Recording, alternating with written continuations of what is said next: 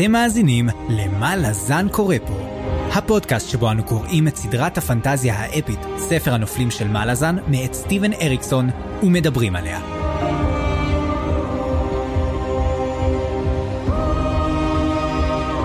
אני צפריר, ואני חיים. והיום פרק מספר 18, שבו נעסוק בפרולוג ובפרקים 1 עד 3, ונתחיל את הניצוץ והאפר, החלק הראשון של זיכרונות הקרח, הספר השלישי בסדרה.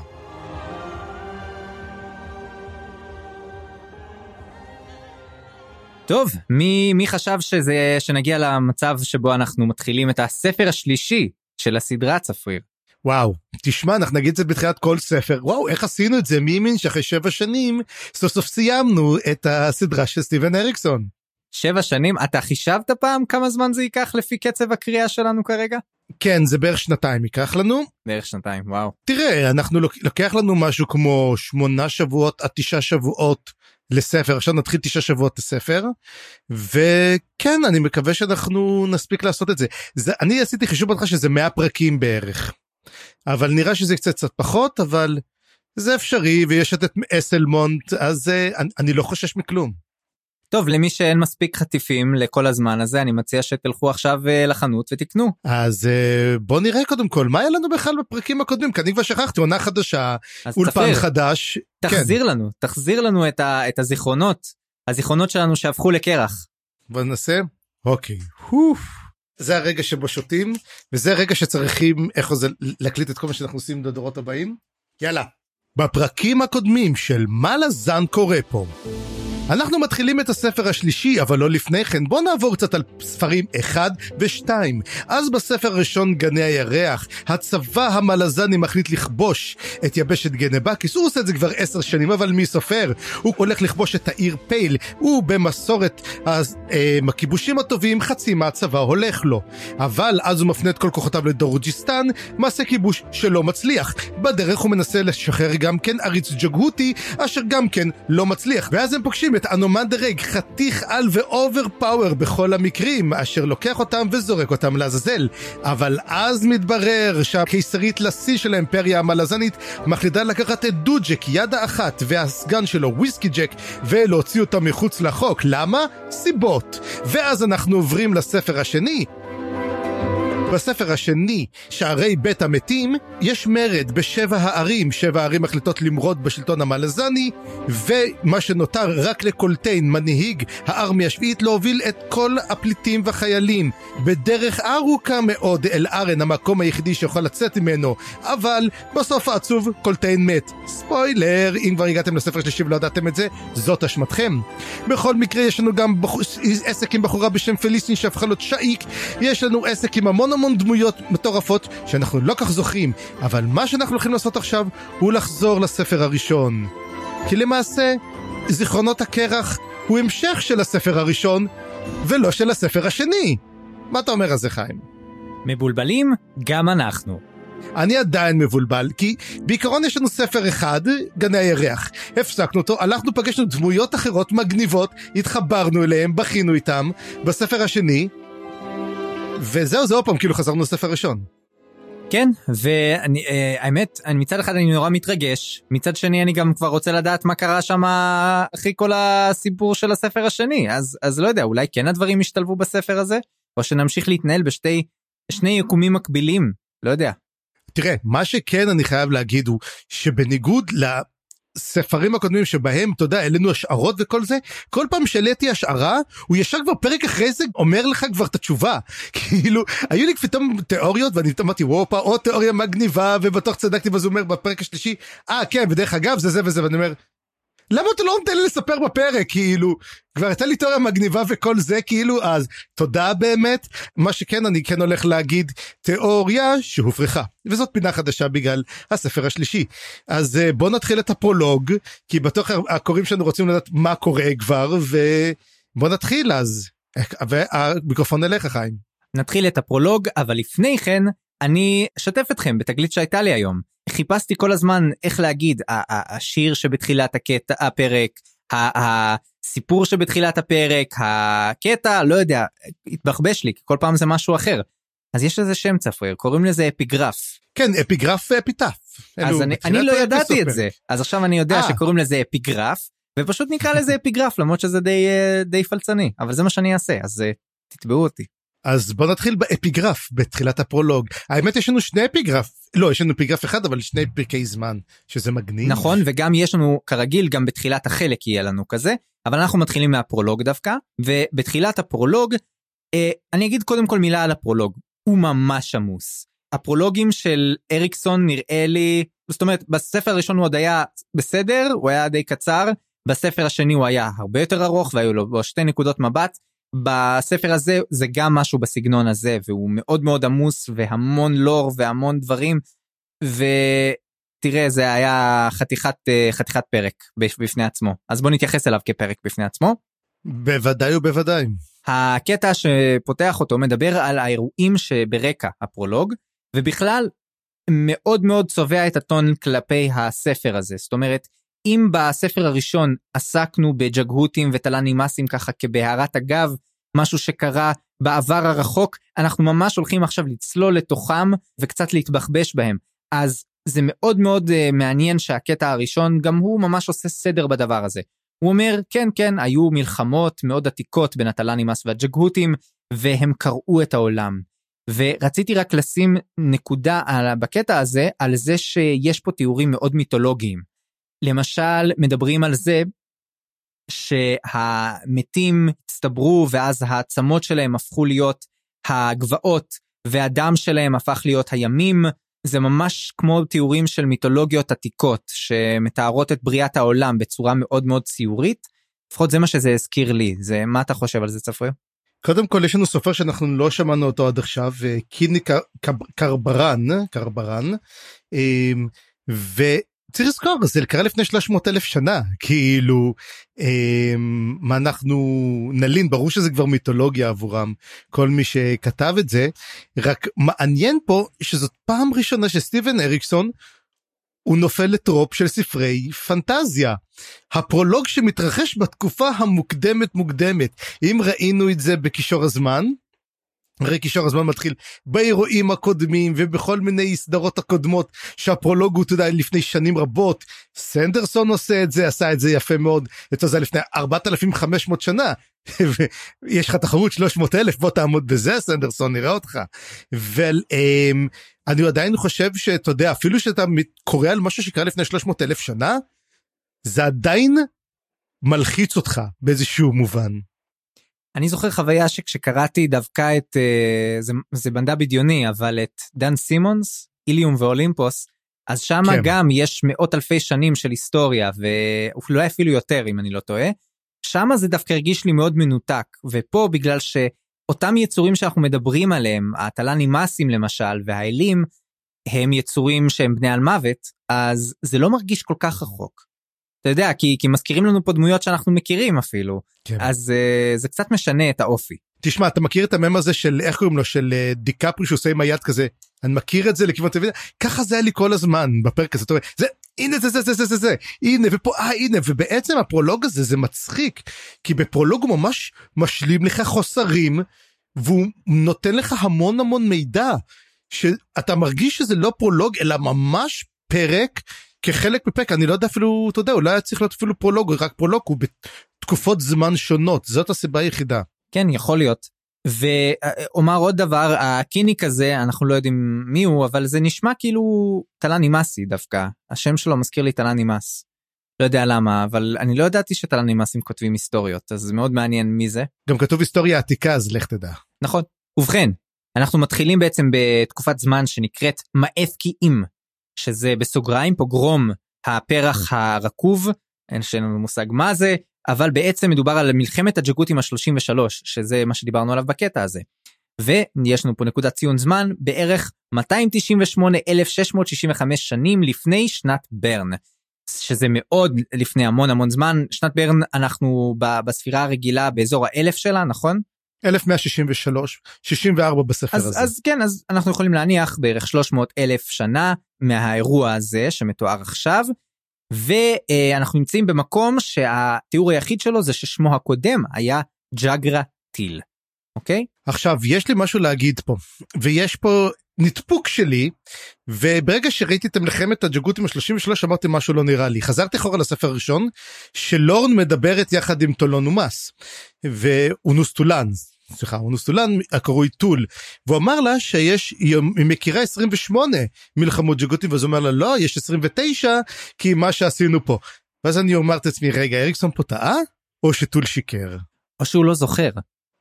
ותזכור את דבר אחד Uh, בסוף הפרק אני אגיד עוד משהו לגבי המלחמה הזאת ולמה היא כל כך חשובה וזה ואולי זה מטיל אור אחר כרגע על מה שאני אמרתי פה. אהה שאולי זה מתחיל את הספירה מחדש? בדיוק. בסדר, יכול להיות, סבבה. אוקיי, אז בואו נחזור בעצם להיסטוריה הזאת, אנחנו בעיצומה של מלחמת הג'גהותים, והמיקום הזה, כמו שאמרתי, נקרא ג'גרטיל, ואנחנו עוקבים אחרי ג'גהותית שבורחת מהאימאסים. היא בורחת עם שני התינוקות שלה, שני ילדים שלה, אני לא יודע אם אה, אפשר להבין כל כך מהטקסט בני כמה הם, מסתבר שהם קטנים, כנראה יודעים לרוץ לבד, אני לא יודע, אבל בכל זאת היא בורחת משם. ואתה יודע, אני לא חשבתי על ג'גותים ומשפחות עד, עד סוף הספר הקודם, שהיה שם את הרוח של הג'גות הזה. אנחנו יותר ויותר מגלים כמה הג'גותים בעצם היו, אתה יודע, יצורים לא כל כך רחוקים מאנושיים, למרות שאנחנו כן יודעים שיש את הקטע הזה בין הורים ג'גותים והילדים שלהם שבאיזשהו שלב ניתק ביניהם הקשר והם סוג של נלחמים אחד בשני אבל בהתחלה לפחות הם ממש כמו ילדים ו- ו- והורים רגילים. כן אני לא חושב לא יש את טקס הניתוק שהם באמת מנתקים את כל הקשר ביניהם אבל הם לא יוצאים למלחמה אני לא חושב שהם נלחמים בהם אלא פשוט מנתקים אותם וכל אחד עובר לגור בבניין משל עצמו. אוקיי בסדר בעצם אנחנו מקבלים את נקודת מבט של אה, שלה ואנחנו פוגשים מטילת עצמות. מטילת עצמות תלה נימאסית. הסיפור בעצם עם הג'גהותית זה שהיא פוגשת את uh, קילבה שתופסת אותה ואומרת לה בעצם יש לי הצעה בשבילך. קילבה היא מטילת עצמות אנחנו עוד מעט נבין מה בדיוק או, או איזה סוג של תלה נימאסית היא למי היא שייכת אבל בגדול היא מציעה לה להציל את הילדים. הדרך שלה לעשות את זה זה פשוט אם תביא לי את הילדים אני אציל אותם ואת כמובן אולי אה, תאלצי להילחם או להיכנע לאלה שרודפים אחרייך כי היא מבינה שרודפים אחריה אבל היא מציעה לה בעצם להציל לפחות את הילדים וזה מה שהיא עושה. הג'קותית מסכימה קילבה לוקחת את הילדים ואז היא מתחילה לקחת אותם לכיוון איזשהו סוג של משעול כזה פתח של משעול שהיא חושבת שזה כנראה או מטוס פלאק או משהו כזה מקום שהיא יכולה להחביא אותם. ואז אנחנו בעצם עוברים לנקודת מבט של פרנצ'ול. פרנצ'ול כמובן זה אותו פרנצ'ול שאנחנו מכירים אותו.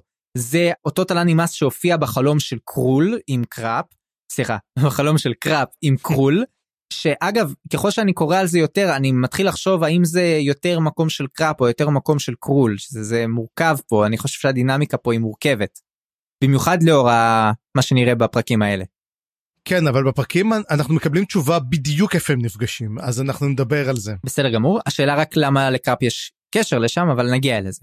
או זאת שאלה שלא קיבלנו עדיין תשובה עליה. בסדר אז בעצם אותו פרנצ'ול שאנחנו זוכרים שהוא היה מטיל עצמות מוביל קבוצה של לוחמים והם בעצם רודפים אחרי ג'גותים ומסתבר שהם רודפים אחרי אותה ג'גותית שהרגע דיברנו עליה. אגב אני לא חושב שיש לה שם או לילדים שלה אנחנו לא שומעים על זה. ואותו פרנצ'ול מזהה שכנראה יש פה התערבות של עוד תלה נימאסית, או תלה נימאס, הוא מזהה מטיל עצמות בא, באוויר, אני לא יודע איך הוא מרגיש את זה, אבל הוא מרגיש שהיה שם מטיל עצמות. וכשהם מגיעים בעצם לג'גותית, הוא מבין שהיו לה ילדים ושהם כבר לא שם, והוא ישר נדרך. זאת אומרת, הוא מבין שכנראה משהו רע הולך לקרות להם, והוא מדבר על זה שכנראה הם נלקחו למקום אחר. ובהמשך אנחנו נראה לאן בדיוק הם נלקחו. בכל מקרה, המקום שכנראה הם נלקחו אליו, ואליו פרנצ'ול בעצם הולך, זה מקום שנקרא מורן. ו... אה רגע, סליחה, שכחתי להגיד שהם אה, בעצם הורגים את הג'גותית הזאת, כי היא לא, היא לא נאבקת בהם, היא חושבת שהילדים שלה ניצלו ושהכל בסדר, אז היא לא מעמידה איזשהו קרב או עימות חזק בין, בפניהם. ואז הוא בעצם, פרנצ'ול הולך לחפש את הילדים, הוא מגיע למקום שנקרא מורן, והמורן הזה זה בעצם אה, מקום הרוס ומה שהרס אותו זה אותו פתח שהיה נראה כמו פתח של משעול ואנחנו מגלים שזה לא סתם פתח של משעול זה סוג של קרע. כמו שקראנו לו אז במשעול הקורל דה מורלן ראינו אז עם הסילנדה היה את הקטע עם הקרע הזה שקראו לו רנט וגם פה יש רנט. הרנט הזה, אני מבין ממה שאני קורא זה שזה סוג של משעול פצוע, או, או פתח למשעול פצוע, או משעול קרוע ממקום אחר. אני צודק בהנחה שלי, צפריר? זה מה שאומרים בעיקרון יש לנו כמה פרטים על הרנט הזה אה, קודם כל אה, יש יש פשוט קריאות ממשעולים לפעמים לעולם שלנו זה מראה שזה לא רק במקום אחד היה רנט אחד ב... כמו שהיה בספר השני שממנו המכשף הזה השתגע והם נכנסו לתוך אה, קורל דה מורלן ואז נאלצו לחסום אותו על ידי נשמה בעצם נשמה צריכה לחסום אותו ואז בעצם אותו אה, תלן נמאס ריחף באוויר ונקרע בפנים. עכשיו הרנט הזה שקיים זאת השאלה האם הוא בעצם פתח תמידי למשעול? ובעצם אתה לא צריך להיות קוסם בשביל להיכנס למשעול הזה אתה פשוט יכול זה שער שאתה תמיד יכול לצאת ולהיכנס ממנו. ולכן כי לאווה חשבה שזה פתח לאומטוז פלאק מדוע? מכיוון שיש שם מגדל של אה, ג'גהותים. אבל לכן היא, היא העבירה אותם לשם אבל היא שכחה שני דברים בוא, בוא, בוא כן. תסבר לה מה שכחה אותה קילבה. קודם כל כל המקום הזה מסתבר שיש לו היסטוריה יותר ארוכה מהמגדל הזה והמגדל הזה הוא יחסית תוספת מאוחרת. מה שהיה באזור לפני זה בעצם היה עיר של הקצ'יין צ'מאל שאנחנו לא יודעים מה הם בדיוק אבל הם כנראה היו עם שהיו אה, אפילו יותר קדומים או, או קדומים מספיק בשביל להיות עתיקים בזמן הזה. והמשעול הזה הוא לא או מטוס אנחנו עוד לא סגורים מה הוא בדיוק אבל הוא לא מטוס פלאק והקרע הזה כמו שאמרת צפריר זקוק לנשמה שתסגור אותו או, או בעצם תחזיק אותו. ומה קרה לילדים הקטנים שפרנצ'ול לא הספיק בעצם לעצור את קילבה, היא זרקה אותם לתוך הקרע הזה והם הפכו להיות הנשמות שחוסמות את הדבר הזה. בדיוק, אבל אני חושב שיש פה בעיה יותר גדולה. אגב, אני, אני, רש, אני רשמתי פה רגע, אני רשמתי פה את השם של, של בוא לא נשכח את הטיסטה אנדי הזכור לטוב, נזכור אותך לעד לגן הבריד. תהיה נשמתך צרורה בקרע אה, אמן. אמן אני אני קראתי לו לזניה בריד כי זה היה דומה. שם נכון לגן הבריד הגברתן והחסון ששמר עליו אבל שני דברים פה מעניינים צריך לזכור דבר ראשון וגם אומרים את זה רק נשמה אחת קולט היא הכניסה שניים פנימה. זאת אומרת אחד נקלע אחד לא נקלע שמה. הבן או הבת אנחנו לא יודעים מישהו נקלע אחד נתפס יכול להיות בצד השני. אבל היה כבר שומר בשער וברגע שנשמה אחת נכנסת הנשמה אחרת יוצאת. זאת אומרת ככל הנראה קצ'ן שמאלה יצא החוצה. ואנחנו גם נדבר על זה באחד הפרקים הבאים בדיוק על הדבר הזה. זאת אומרת אם אנחנו יודעים שזה היה מקום של קצ'ן שמאלה ומישהו מהם כנראה חסם את הדרך ברגע שהכניסה מישהו מישהו יצא. כן ומתואר שם שהוא נכנס עמוק עמוק לאדמה הוא אומר הוא יצא אבל אני לא יודע בדיוק איפה הוא אבל כן עמוק עמוק מתחת לפני האדמה. ואני חשבתי לרגע על ברן ויכול להיות שזה קשור ויכול להיות שזה לא אבל זה סוג של תיאוריה מוזרה שעלתה לי בעקבות הדבר הזה. כן גם הדבר הזה שאהבתי שהוא שואלת אותו הוא אומר לה זה הקצ'אן שמאלה ואז אומרת לו קיבלה מי אלו זה אומר לה או את הולכת להכיר אותם טוב. ודבר נוסף בעצם זה שיש לנו פה שתי נשמות שנזרקות לתוך אותו מקום גורם לי לחשוב על שתי נשמות שנזרקו לאותו מקום שנדבר עליהם בהמשך אז גם על זה כן. זה אולי קריצה מעניינת. כן ודבר אחרון שיש לי להגיד על החלק הזה בפרולוג כי זה פרולוג שמחולק לשני חלקים הוא בעצם אה, מדבר אה, מתחיל כל הפרק הזה שפרנצ'ול מסתכל על הנוף והוא רואה שכל המקום מת. מה קרה? הם עשו לו הרס אקולוגי ברמה מחרידה, הם צדו את כל החיות והם לא שמרו על המאזן האקולוגי, הם הרגו ממש את כולם, כל החיות, ואז שואלים למה זה, למה זה, ואז הוא מדבר, אנחנו היינו צריכים הרבה צאצאים, ובגלל זה הם לא שמרו על זה, ולמה הם היו צריכים את הצאצאים? כי בדיוק שבעצם הם הורגים את הג'גהותית ומסתיימת אומרים אם ההרג הזה הסתיימה למעשה מלחמת הג'גהותים 33 ולא נותרו ג'גהותים יותר ביבשת. ואנחנו אחר כך נגלה גם איזו יבשת מדובר גם כן. הדבר המעניין הוא פה שהם הולכים לטקס התלן. כן. הם בסוף עוזבים והולכים לטקס. ובעצם אז הוא מדבר עם קילבה. קודם כל הם מנסים להבין מי זה מי ופרנצ'ול מזהה את קילבה הוא אומר ש... היא קלאנלס זאת אומרת היא סוג של כזאת מנודה ומה קרה בעצם? אה, הוא הרי אומר לה, תקשיבי, אנחנו צריכים ללכת למש... לטקס שלנו. הולך להיות בעצם טקס שנקרא טקס התלן. אנחנו כבר שמענו אזכורים של הטקס הזה בספרים הקודמים. מדובר כנראה על הטקס שבו הם הפכו להיות תל"נים מסים אה, כמו שאנחנו מכירים אותם, בעצם יצורים על מתים כאלה. בהמשך גם נראה שזה קשור איכשהו, טוב בכלל אני, אני שכחתי לומר אבל הפרולוג הזה קשור להמון דברים שאני נבין גם בפרק השלישי. אז אני אשמור קצת מההערות שלי שבכל זאת רלוונטיות יותר לפרק השלישי, אבל אנחנו נבין בהמשך מה בדיוק הטקס הזה היה קצת יותר טוב. אבל הכלאב הזאת לא הולכת לטקס, אז הוא שואל אותה מה, מה, what gives, מה, למה את לא הולכת לטקס? אז מסתבר שהיא מנודה, שאין לה בעצם שבט, ומה היא עשתה? היא רצחה את השבט שלה. שעכשיו אני לא בטוח מה המבנה החברתי הטלנימאסי המסורתי, אבל נראה לי שזה משהו מאוד מאוד רע לעשות אותו, גם בשביל טלנימאסים, וגם אנחנו מגלים מי האח שלה. לאח שלה קוראים אונוסטולן, שאנחנו מכירים אותו מאוד מאוד טוב, ומסתבר שאחותו מאוד מאוד מוזרה, מאוד מפחידה אולי, ומעניין מה קרה לה, כי אנחנו יודעים שאונוסטולן נשאר בחיים והמשיך לפחות להתנהג כאילו הוא נאמן לטלנימאס ואפילו לאנשים ששולטים בהם באיזשהו אופן, אבל אנחנו לא יודעים מה קרה לקילבה. זה נכון אבל uh, צריך לזכור זה לא שהפכה להיות מנודה היא פשוט רצחה את כל השבט שלה ולכן אין לה שבט היא פשוט קלנלס זה לא שהיא מנודה. גם דיברנו על זה גם כן בקשר לאונוסטולן למה אונוסטולן נבחר לשמש בעצם כנגד ה... לשחרר את רייסט? הרי כל הסיפור היה כי יש להם את השבטים שלהם. יש להם את הלוגרוס שאליו שייך כמובן אונוסטולן והקרון שאנחנו לא יודעים מי הם קשורים ומי קשור אליהם. אנחנו רק יודעים שהם מתקרבים. זה בעצם הצבא האבוד הטלנימאסי ומדוע הם שלחו אותו לטפל ברייסט? כי ברגע שאם רייסט היה משתלט על אונוסטולן הוא לא היה מעלה את זה קדימה ולמעלה.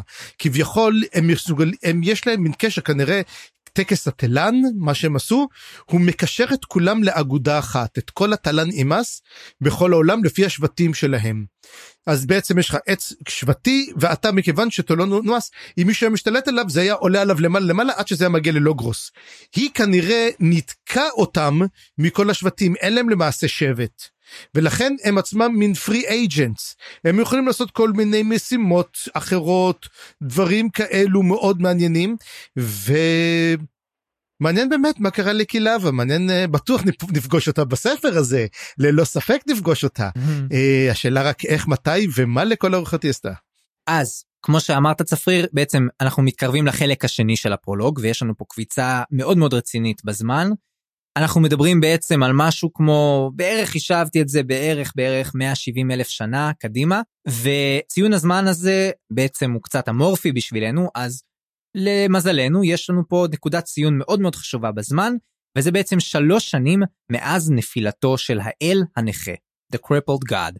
אגב אני לא יודע אם האל הנכה זה מה ש... בסוף אה, נזרום עליו אבל ככה אני קראתי לו. האל הפגוע האל השבור האל המרוסק יש הרבה אופציות לקרוא לו. כן אני חושב היה לי עוד איזה הצעה אז שהייתה נשמעת לי מגניבה אבל שכחתי אותה אז אולי היא לא הייתה כזאת מגניבה. המומם. המומם כן. כן. טוב נראה נראה. הייתי המומם מההצעה הזאת. נראה נראה אם לקהל המאזינים יהיה אולי משהו הצעה יותר טובה אז הנה בבקשה שאלה בשביל המאזינים. אם יש לכם הצעה טובה יותר מאשר האל הנכה. אולי נקרא לו פשוט האל הפגום. האל הפגום. מה, מה, מה נראה לכם? אוקיי, אני חושב שזה גם הזדמנות טובה להגיד שאנחנו נשמע עוד מהאל הזה, ועד עכשיו מה ששמענו עליו זה היה ממש כמעט כלום. היה איזשהו אזכור באחד האפיגרפים בספר הקודם, אני חושב שמישהו הזכיר אותו פעם נראה לי איזשהו בספר הראשון אפילו היה איזשהו אזכור קצר מאוד שלו. קראפ קרא עליו בספר. נכון נכון בגוטוס פולי אני חושב. כן הוא, לא, הוא קורא על משהו על הנפילה של האל וזהו זה זה מוזכר כן. בהערת אגב כזאת. אז אני רציתי ב- לקראת הפרק לחזור ולקרוא את זה לעשות את זה עכשיו צפריר או לא? לא. לא. אז רק נזכור שממש הזכרנו אותו בחצי מילה. אני מתחיל לחשוב שמה שקורה לנגד עינינו עכשיו זה שאנחנו מתחילים לקבל איזשהו דמות שאולי תהיה האולטימט באדי של הסדרה. כי הרי זה לא הנומנדר ריק, זה, זה הרי ברור. אה, מי שהיה יכול אולי להיות האיש הרע בהחלט, זה אולי היה יכול להיות הנומנדר ריק, ואולי זאת הייתה יכולה להיות שאיק, אבל לא, וזה כנראה גם לא קורבול אדום. אז אולי האולטימט באדי, the dark lord himself, סתם לא יודע אבל הדבר הכי קרוב לזה שיהיה לנו אצל אריקסון זה אולי The Crippled God.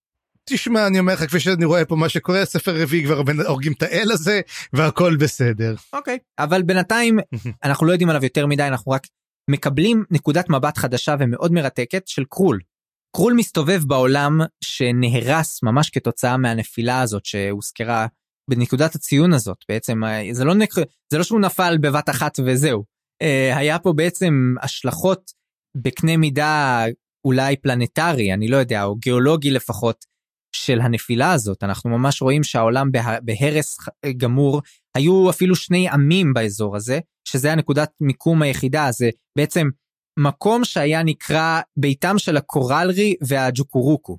ואנחנו אפילו לא יודעים מי הם. אלו, אלו, אלו שתי יבשות, אלו שתי יבשות שלמות. כן, אני חושב שהם דיברו על זה כעמים. אם תסתכל, בכניסה כתוב um, Continents of Corelray and Jakuruku in the time of dying, זאת אומרת, אלו שתי יבשות uh, קרובות אחת לשנייה. אוקיי, okay, אז מה, מה שיש לנו אירוע בקנה מידה כזה שהרס שתי יבשות, וקרול בעצם נמצא שם, והוא מסתובב והוא בעצם אנחנו שומעים את המחשבות שלו לגבי כל ההרס שהוא רואה. והוא אומר גם שהוא מחפש בעצם את ה... הוא חיפש את האל הזה ומה שהוא מצא היה כל כך מזעזע הוא אמר שיש פה בעצם חתיכות שבורות של האל הזה וגם אם הוא יצליח לחבר את כולן הוא עדיין אה, הוא כנראה לא יחזור לעצמו הוא כנראה יהיה משוגע. ויש פה בעצם גם צפריר אני הרגשתי מהפרקים האלה מאוד מאוד מאוד חזק השפעה של H.P. Lovecraft. יש איזה משהו כזה גם כן האלים הם בעצם האל שזומן מעולם אחר על ידי אנשים כדי לשאוב את כוחו ומשהו שמשתבש יש אה, מאוד מאוד אה, סימנים כאלו. יש וכל האלמנט גם של שיגעון שמתחיל לבצבץ פה וגם mm-hmm. אתה יודע גם אה, אנחנו לא מסוגלים להבין את היצור הזה שאנחנו קוראים לו האל אבל אנחנו לא יודעים בדיוק מהו ו- ועוד מעט נראה שיש לו השפעות מאוד מאוד מוזרות על העולם אבל גם מוזר לי למה זימנו אותו אתה יודע כתוב פה שזימנו אותו כנראה בשביל uh, להילחם בקלור. בשביל להשמיד נכון. אותו. תגיד זה לא בין uh, אתה יודע לשלוח אליו מכתב לקלור ולהגיד לו אולי תפסיק להיות uh, רודן מרושע לבין לזמן אל מפחיד מאיזשהו משעול קוסמי דרך משעול קוסמי לא ברור אולי באמצע יש איזשהו עוד דברים שאפשר לעשות צפריר. אני חושב שעשו את זה תראה הרי קלור אפילו מדבר אחר כך הוא אומר לו תשמע לקח לי 50 שנה אבל כבשתי את כל היבשת. זאת אומרת אי אפשר היה לעצור אותו והוא גם כן היה מאוד מאוד אכזרי. אנחנו לא יודעים בדיוק מה המעשים שאנחנו רק יודעים מה המעשה האחרון שהוא עשה וצריך וואחד כוח בשביל לבצע אותו. אז אני לא חושב שזה היה מן אתה יודע מופרך שבאמת יזמנו אל ממישהו אחר אולי אפילו לא רצו אפילו להביא את האל. הבנתי שרצו רק להשתמש בכוח שלו רצו שפשוט כאילו מקור כוח נייד יכול להיות שישתלט על משעולים ולא היה להם מקור כוח אחר. אמרו בוא נלך נשתמש במקור כוח ממקום אחר. וחיברו פיוז אחד לא נכון והפילו אותו וריסקו אותו פה על העולם שלהם. לגמרי ואני זה גם מחזיר אותי לשאלה מאוד מאוד גדולה ששאלתי בפרק הזה. מי זה קלור ה fucking אה, אנחנו כבר מכירים אותו הרי מהספרים הקודמים ראינו אותו שם מדבר עם ברוד אפילו בהתחלה של הספר הראשון איפשהו. אה, זה לא שהוא אה, אתה יודע איזשהו יצור מיתי ומסתבר שכן הוא זאת אומרת אנחנו נראה שהוא פחות או יותר בן אלמוות שהוא אבל מצד שני הוא לא אסנדנט ומצד שלישי עוד לפני שהוא היה כל כך בן על מוות כמו שאנחנו נכיר אותו מאיפה כל הכוח הזה לכבוש את כל היבשות להיות רודן כל כך חזק להתעמת עם אלים אנחנו נראה עוד מעט זה חתיכת אה, יצור מפחיד. כן, תשמע, אני חושב שהוא, הרי ידוע שהוא בן אנוש, הוא בן אנוש באמת. אבל הוא כנראה מג, מג, מג עליון, שיודע ממש טוב להשתמש, למרות ששים לב, לא ראינו אותו נלחם או משתמש בכוחות שלו. ודרך אגב משהו עוד יותר שאנחנו מגלים בהמשך גם במלחמה של ברוד ושל קלור וכל מה שהם נלחמים וגם הנומנדר רייק שהם נלחמים במלאזן זה רק קצה האצבע הם לא משתמשים בכלל הם לא השתמשו כמעט בכוח שלהם כנגד המלאזנים. אז לכן אני אומר וואו מה הם מסוגלים עוד לעשות ובהקשר לכך מול איזה איום הם עומדים להגיע שלא כולם יכולים גם להילחם נגדו. שזה אתה יודע זה מין יש לך תמיד את המדרגות של הכוח כאילו אתה יודע יש לך את אנומן דה רייג זה זה אומרים לא גם הוא לא יכול לטפל בזה. ואז אתה רואה מי זה קלור באמת. פה זה מתחיל להפחיד בעצם מה האיום הגדול של הספר שלנו. לגמרי ורק נקודה עוד קטנה בתיאורים פה שדיברו על כל ההרס והחורבן שהביא לה, שהביאה הנפילה של אותו האל. גם מתואר פה איזה נקודה שאנחנו גם נשמע עליה בפרק השלישי אבל שהיו עוד איזה שהם תוצרי לוואי בוא נגיד נקרא לזה ככה של הנפילה שלו איזה שהם יצורים שהגיעו. אוקיי ואנחנו נבין בהמשך מי הם אותם יצורים. אוקיי ואתה יודע ופה הייתה לי שראיתי את היצורים הייתה לי את התיאוריה הראשונה שלי שאמרתי וואי יש לי רעיון מכיוון שנראה לי זה. ואז בפרק השלישי אומרים את התשובה כאילו אז אני לא אגיד את התיאוריה שלי כי אבל זה היה נכון. אה צדקת. אוקיי כן לא אז כאילו כדי הוא די רמז את זה ואז אמרתי רגע זה יכול להיות זה ואז אמרתי וואי נכון ואז כן אוקיי זה היה כזה ברור תודה. אז צפריר קבל נקודה בכל זאת אתה מגיע לי שתיים בגלל ההימור שגם יש לי בסוף הפרק הזה אבל לא. לא אז נקודה נקודה. בינתיים אחד? בינתיים אוקיי, אחד. יופי לקחת את הנקודה הזאת. מצוין. כן בקיצור אנחנו עדיין עם קרול וקרול הולך להיפגש עם עוד שני אלים עתיקים אלדר גודס והאלים העתיקים שהוא פוגש יש בעצם שניים אלה ואל. האלה יש לה שם אה, מוזר קצת קוראים לה אחות הלילות הקרים והאל השני קוראים לו דרקונוס. והם באים להרוג מלך חזק בשם קלור, שאנחנו דיברנו עליו. שלושת האלים האלה בעצם מדסקסים ביניהם איך הם הולכים לעצור את קלור. והסיבה שהם רוצים לעצור את קלור זה בגלל שקלור השמיד את כל היבשת והוא לא מתכוון להפסיק. זאת אומרת קלור בסוג של uh, מצב שהוא איך היית קורא לזה צפרי הוא כאילו סוג של uh... השתגע לגמרי איבד את זה לחלוטין וכדאי להרוג אותו כמה שיותר מהר כן. כן. אז הם בעצם uh, הולכים לקלור וצצים לידו ובעצם אומרים לו תפסיק. הוא אומר אני לא אפסיק אתם לא תוכלו להרוג אותי. ואז הם אומרים נכון אבל אנחנו יכולים לקלל אותך ואז הם מקללים אותו שבעצם אה, כל דבר שהוא יעשה יהפוך לאבק והם מקללים אותו שהוא לא ימות אבל זה לא סוג של על מוות שבא עם נשגבות אלא זה סוג של על מוות שהוא קצת מזעזע. אה, זה אומר שהוא כן, לא, לא ימות, אבל מצד שני הוא גם uh, ירגיש את פגעי הזקנה. כן, אתה יודע, זה היה בדיוק בדיוק הסיפור ההפוך של... איך קוראים לזה היפהפייה הנרדמת שבה הגיעים לך שלוש שפיות וכל אחת נותנת לך איזה ברכה שתהיה יפה שתהיה זה לא אז פעמים לך שלושה אלים קדמוניים וכל אחד נותן לך וואחד קללה אז כאילו אתה יודע קצת הפוך אבל היו שלוש קללות מה מה היה הקללה השלישית? היו שלוש קללות הקללה הראשונה זה הקללה שנתנה לו קרול ואמר לו אתה לעולם לא תמות. הקללה השנייה של אה, דרקונוס הוא שלעולם לא יהיה נשגב. ואחות אומרת שכל פעם הוא יעלה הוא חייב ליפול כל פעם שיצליח הוא יהפוך לאבק. ואלו שלוש הקללות שהוא קיבל אבל אתה יודע משהו הוא כמו ארס כזה אומר אתם מקללים אותי לא זה אני שמקלל אתכם ווואחד קללות נותן להם. כן, הוא, הוא לא נשאר פראייר, מקלל אותם חזרה, עוד שנייה נדבר על זה, אבל בוא נגיד רק, קודם כל, אולי זאת סיבה שהוא לא עושה שום דבר ב, במלחמה בגנבקיס. כי אם הוא יעשה משהו זה יהפוך לאבק. אולי, זאת אופציה, אבל אתה נראה בהמשך שלא כל כך אכפת לו להגיד דברים ולעשות דברים. אני חושב שהוא פשוט אפאתי לחלוטין, הבן אדם הזה. כן, אז בעצם הוא מקלל אותם חזרה, וזה בדיוק הקטע שניסיתי מקודם למצוא אותו, אז uh, שנייה. לך יש אותו מול העיניים? אתה רשמת מה הקללות? הוא... יאללה תגיד. כן, רשת הקללות. אז קודם כל הוא מקלל אותם אחד אחד. הקללה הראשונה של קרול שהוא ייעלם מהעולם והוא יישכח. אנחנו רואים את זה. אה, קרול כבר בזה הוא אמנם עשה קאמבק אבל די מי מכיר אותו הוא די הפך להיות מין מגדל פעמונים ומקום שקרוקוס לוקח את כל החתיכות שלו. אה, דרקונוס הוא אמר לו כל מה שאתה יוצר יפגע בך. ויש לי פה תיאוריה שעדיין לא ענו עליה אבל אני חושב שזה די ברור נכון? תגיד.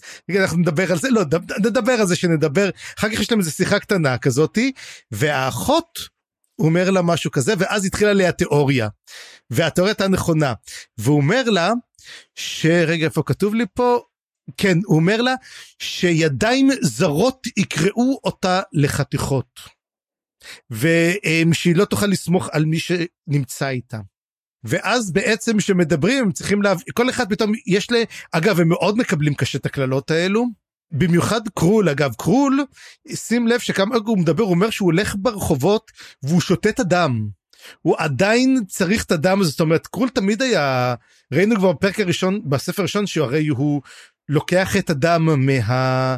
שמה שמשאירים לו שם כל המתנגשים וכך הוא חוזר לחיים אבל הוא אומר שכמה שהוא סובל מזה הוא עדיין נהנה מהדם שיש שם.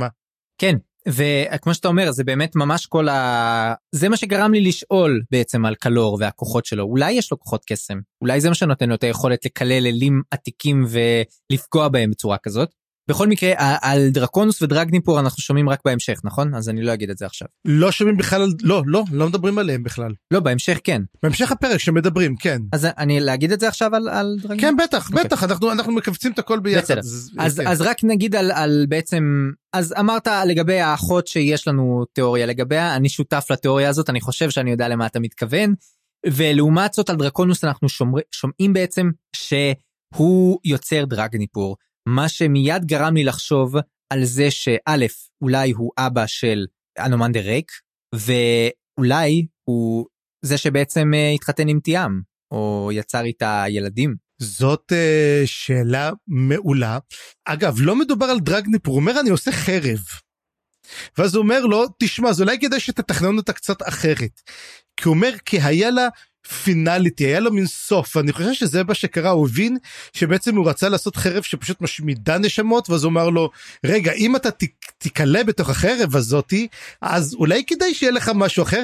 ואני חושב שאני יודע עכשיו מי נמצא בתוך הכרכרה הזאתי. כן לגמרי. ו- ואני אני אני אתה יודע זה היה לי כל כך ברור שאפילו לא רשמתי את זה כתיאוריה אבל זה, זו תיאוריה כן? אנחנו אני חושב שאנחנו מכוונים פה למשהו שהוא די די ברור מהטקסט אבל אתה יודע גם קוראים לו דרקונוס כן דרקונוס דרגן דרגניפור כמובן uh, זה די ברור. אז זה שהוא כן. בתוך הזה זה כבר השערה אבל אתה יודע מאז שגוטוס הוא כבר לא האיש שפארן פגש בתוך דרגניפור אז אני מניח שזה היה חייב להיות מישהו אחר אז אולי זה היה הוא. יכול להיות לא, אגב גם יהיה מאוד מאוד מעניין שדרקונוס הוא אבא של אה, אנדומנדרק האמת זה אומר שאנדומנדרק הוא בן של אל קדמון אבל צריך לזכור דבר אחר. ש... טיסטה אנדי הם לא באים מהעולם הזה, נכון? ואם הם לא באים מהעולם הזה, אז הוא יכול להיות בן של אל? זה נראה לי מוזר. הם לא באים מהעולם הזה, אבל תיאם גם היא לא באה מהעולם הזה. אה, אז יכול להיות שהוא חצי מהעולם הזה, חצי לא? מעניין. מעניין. אה... לא יודע, אתה יודע מה, לא יודע אם הוא אבא שלו, אבל הוא לפחות אבא חורג שלו. נגיד ככה. אז הנה, אז תשמע, בוא נגיד כזה דבר, אולי אם זה ככה תחשוב על זה ככה על, על דרקונוס הרי האל גם כן הגיע מעולם אחר. הרי הטיסטי אנדי הגיעו בשלום מהעולם האחר ידוע שיש את העולם בלזן והטיסטי אנדי והטיסטי אדור הגיעו מעולמות אחרים. זה עולם אחר לגמרי. אז מה אם גם כן האל הזה הוא למעשה אל קדמון של הטיסטי אנדי? אז uh, יהיה מעניין לראות את זה. יכול להיות שהוא גם כן. אולי זאת ים? מי אומר שזה שזה גד? אולי גדס אנחנו לא יודעים את זה. אז הנה התיאוריה החדשה מופרכת ראשונה האל הנכה או אל הנחנת הוא למעשה האל של הטיסטה אנטי. ויש לנו גם בעצם בהמשך פה אנחנו מקבלים קצת עוד אה, מהעלילה שקרול מנסה בעצם להציל עכשיו את העולם. למול ההרס, אתה יודע, נראה לי משותף של קלור וגם האל הנכה, או האל הפגוע, קרול מנסה להציל ואז הדבר שהוא עושה זה הוא יוצר בתוך עצמו משעול. הדבר הזה כמעט הורג אותו אבל זאת הדרך היחידה והם אומרים לו האלים האחרים אל תעשה את זה זה יהרוס אותך והוא אומר לא זאת הדרך היחידה. וקרול שאתה יודע עד עכשיו חשבתי שהוא אל קצת עם קונוטציות שליליות שותה דם אה, צריך הרג וכל מיני כאלה בעצם אולי הוא אל דווקא די טוב הוא, הוא מנסה להציל אנשים כל הזמן. ראינו את זה אז עם סילבר פוקס ועכשיו עם ה... כל העולם אתה יודע אולי אנחנו חייבים את חיינו לקרול ואנחנו לא יודעים את זה. יכול להיות ובאמת מה מה שהוא עושה הוא לוקח את כל ההרס של קורלרי ושל ג'קורוקו והוא למעשה בשביל להציל את העולם ואת המקום הזה כי המקום הזה לא יכול לגדול שוב הוא בעצם עושה מו מין אה, סנפשוט של המקום הזה צורב אותו לתוך עצמו ומחזיר את העולם כפי שהיה פעם. זאת אומרת הוא לוקח את כל ההרס לעצמו ויוצר משעול ואיזה משעול זה הופך להיות? המשעול שאנחנו מכירים מתוך אה, מהחלומות של קראפ? אני אומר זה המשעול הקיסרי. קרול זה המשעול הקיסרי? כן. אז איך, זה ההימור שלי. אז איך קראפ לא יוצא כל הזמן בתוך החדר של לסין? בחלומות שלו. כי קראפ לא נמצא במשעול הזה, קראפ נמצא במשעול אחר לגמרי. קראפ, לפי התיאור, לפי מה שאת מבין, תראה, זה טוב שאנחנו גם כל אחד מגיע למשהו אחר, כי נראה שאולי לא הבנו, אולי כן. אני, לפי מה שאני הבנתי, קראפ נמצא בתוך תלן. אני הבנתי שהוא נמצא בתוך המשעול של קרול, אבל יכול להיות שאני טועה. אגב, דבר אחד מעניין מאוד שגם אומרים אותו בתחילת ה... בתחילת הפרולוג עוד בקטע שלהם שפרנצ'ול מדבר עם קילבה אז הוא אומר לה, את יודעת שהתהליך של התלן, של התלן הולך לעבוד. זאת אומרת לה, איך אתה יודע את זה? זאת אומרת לה, אני נסעתי לעתיד, ואני ראיתי אותי כבר זקן ויבש, אז אני יודע שזה יצליח. ומתי הוא נסע לעתיד? הרי אנחנו ראינו את פרנצ'ול, ופרנצ'ול הגיע, של ליצור את סילבר פוקס, אז הוא, זה היה לפני הפוגרום, זה בתקופה הזאתי.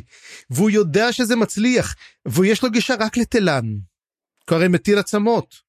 אנחנו גם נראה בהמשך שמדברים גם על זה שזה תלן. מעניין. אז עכשיו השאלה למה לקראפ יש גישה לתלן? האם הוא ממש כאילו מין נצר של, הת... של ה... האם בעצם קראפ הוא למעשה תלן יותר אימס, תלן אימס הם אפילו את אחרי, קוראים להם אימס. האם הוא אימס ששרד את הכל והוא לא בן אדם, הוא פשוט נראה כמו בן אדם אבל הוא אימס. הוא מטיל עצמות אימסי. אה, אוקיי, תיאוריה מאוד מעניינת, נראה, נראה מה יקרה עם זה. אני חושב שנסכם את, הפר... את הפרולוג בביט אחרון. הביט הזה בעצם עוקב אחרי איזשהו איזושהי חיה.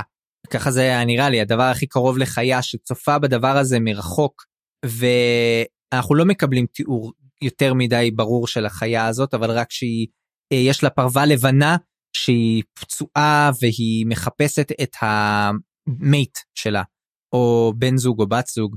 והיא לא, היא על סף גסיסה, אבל היא לא מוכנה למות, ו... אה, מה היה, מה היה הקשר פה? אתה הבנת? אתה, אנחנו נשמע עליה אולי כן. בפרק בהמשך, אבל... או, לגמרי נשמע, נשמע עליה בדיוק פרק הבא, זה לא אפילו בהמשך, וגם חשוב שיש לה עין אחת.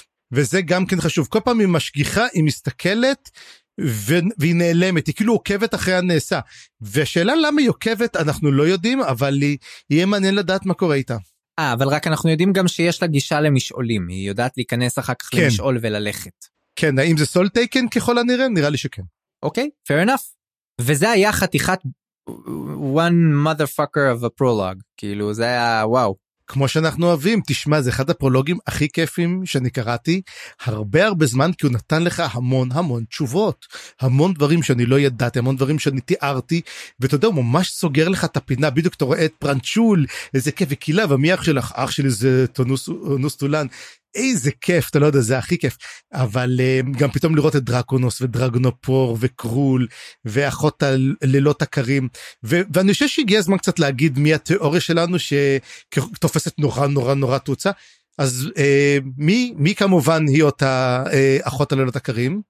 אה זה אנחנו נגלה בפרקים הבאים לא מה אתה הורס. לא אתה לא רוצה אתה לא רוצה להגיד עכשיו? אה אני רוצה להגיד אני חושב שזה נייטשיל.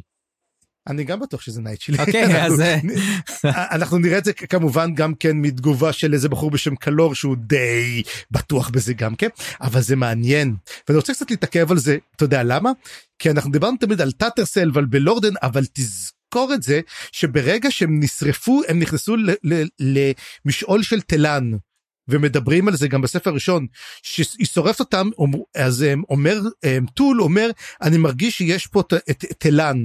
הם בעצם נשרפו במשעול האש אה, כי היא צריכה לפתוח איכשהו סילבר אה, איך קוראים לה? טטרסל טטרסל ולא יודעת איך זה קרה. זה קרה כנראה בגלל נייטשיל שהייתה שם נייטשיל היא למעשה אלה קדומה שכתוב כבר שהיא מתחזה לבת אנוש והיא תמיד מש... עושה את זה.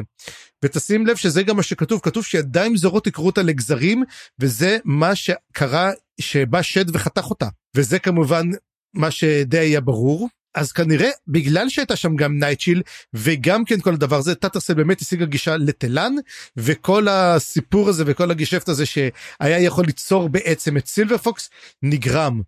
וזה אומר מה יהיה עם סילבר פוקס אנחנו באמת נראה מה קורה עם סילבר פוקס.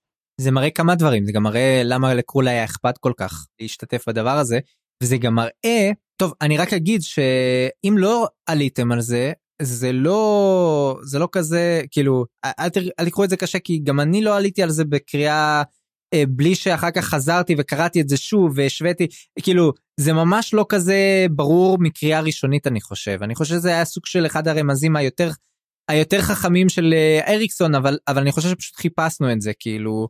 ואתה יודע, עכשיו, עכשיו שאתם, אה, ש, שאנחנו כבר יודעים את זה, כשמסתכלים על השם הזה של אחות הלילה הקר, it's ממש literally night chill. כן ודרך אגב אני אעשה קצת ספוילר הכי מצחיק אותי שפשוט קלור אומר לה תגידי אפילו את השם שלך את לא משנה וזה פשוט נקרעתי מצחוק וזה אתה יודע זה כמו למשל שיש לפעמים את דרקולה אז שהוא מתקרא בשם אחר איך קוראים לו אלוקארד שזה דרקולה פשוט כתוב הפוך ולא נעלה על זה שזה דרקולה אתה יודע כי זה כמובן או סופרמן שם את המשקפיים וזה קלארק קנט אז תשמע זה יש את הקטעים האלו אבל um, לא אגיד שזה רמז כזה אבל הוא הוא די ברור כי אנחנו רגילים לחפש רמזים ואנחנו מחפשים אותם אז uh, זה בדיוק המצב לפי דעתי.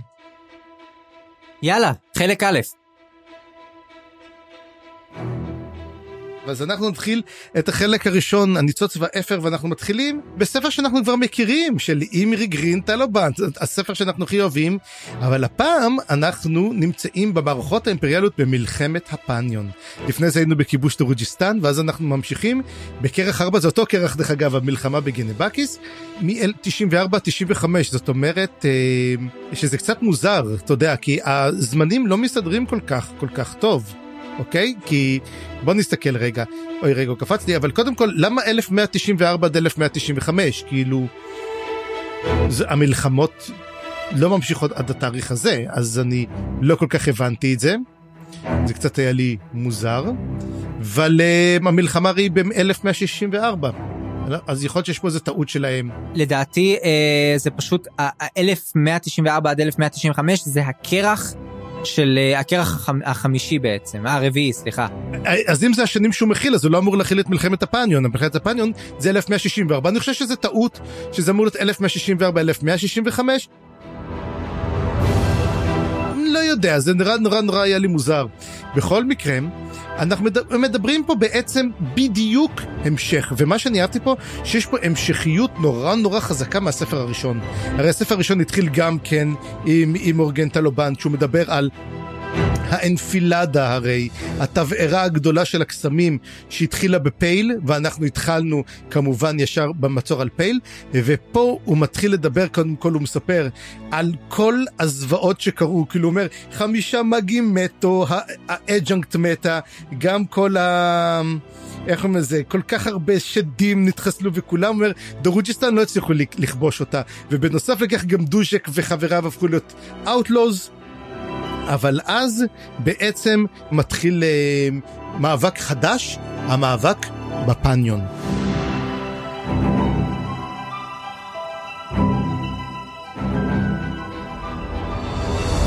ואז הוא אומר משהו מעניין, הוא אומר כזה שהכל התחיל בגלל איזה עריץ ג'גותי שהשמיד את הגשר. עכשיו זה קטע קטן בספר הראשון שאני זוכר אותו דווקא די טוב שהיה שם שליח כי היה שם את אה, איך קוראו לו אה, אורבן טור אה, שלח טורבן אור נכון? טורבן אור. אוקיי טורבן אור הוא שלח שליח כי הוא ניסה ליצור קשר עם המלאזנים שהוא לא הצליח הוא כבר שלח שליח. כלומר הוא שלח את השליח הזה על סוס ואז שרייס יוצא בדיוק הוא רואה את הסוס הזה רוכב על גשר, הוא פשוט משמיד אותו עם הגשר. וזה בעצם הנקודה שיש שם, וזה כל כך הצחיק אותי שאומרים מי זה בעצם הפרש, וזה היה כיף לקשר בין הפ... אותו פרש לאותו דבר הזה. וזהו זה אומר, הכל מתחיל עם גשר אחד שבור כמו for want of a nail, אתה יודע, הכל בגלל חור קטן, הכל בגלל מסמר קטן. ואנחנו עדיין לא רואים איך זה התחיל ולמה זה קרה, אבל קרה משהו אני חושב שאולי בספר השני בפרק השני אנחנו טיפ טיפה נגלה אולי מה קרה בגלל אותו מסלול חדש שנקבע בגלל אותו גשר. אז מה יש לך להגיד על הקטע הזה מה חשבת עליו? חשבתי שהוא מצוין אה, הייתי קורא ספר היסטוריה כזה. אנחנו קוראים קוראים לו ספר הנופלים של מלאזן. יאללה פרק אחד. ואנחנו מתחילים את הפרק הראשון פרק ראשון יש לנו שיר סוף סוף חוזרים לשירים השיר קוראים לו חיי החלומות והוא אומר זיכרונות הם שטיחים ארוגים המסתירים קירות קשים.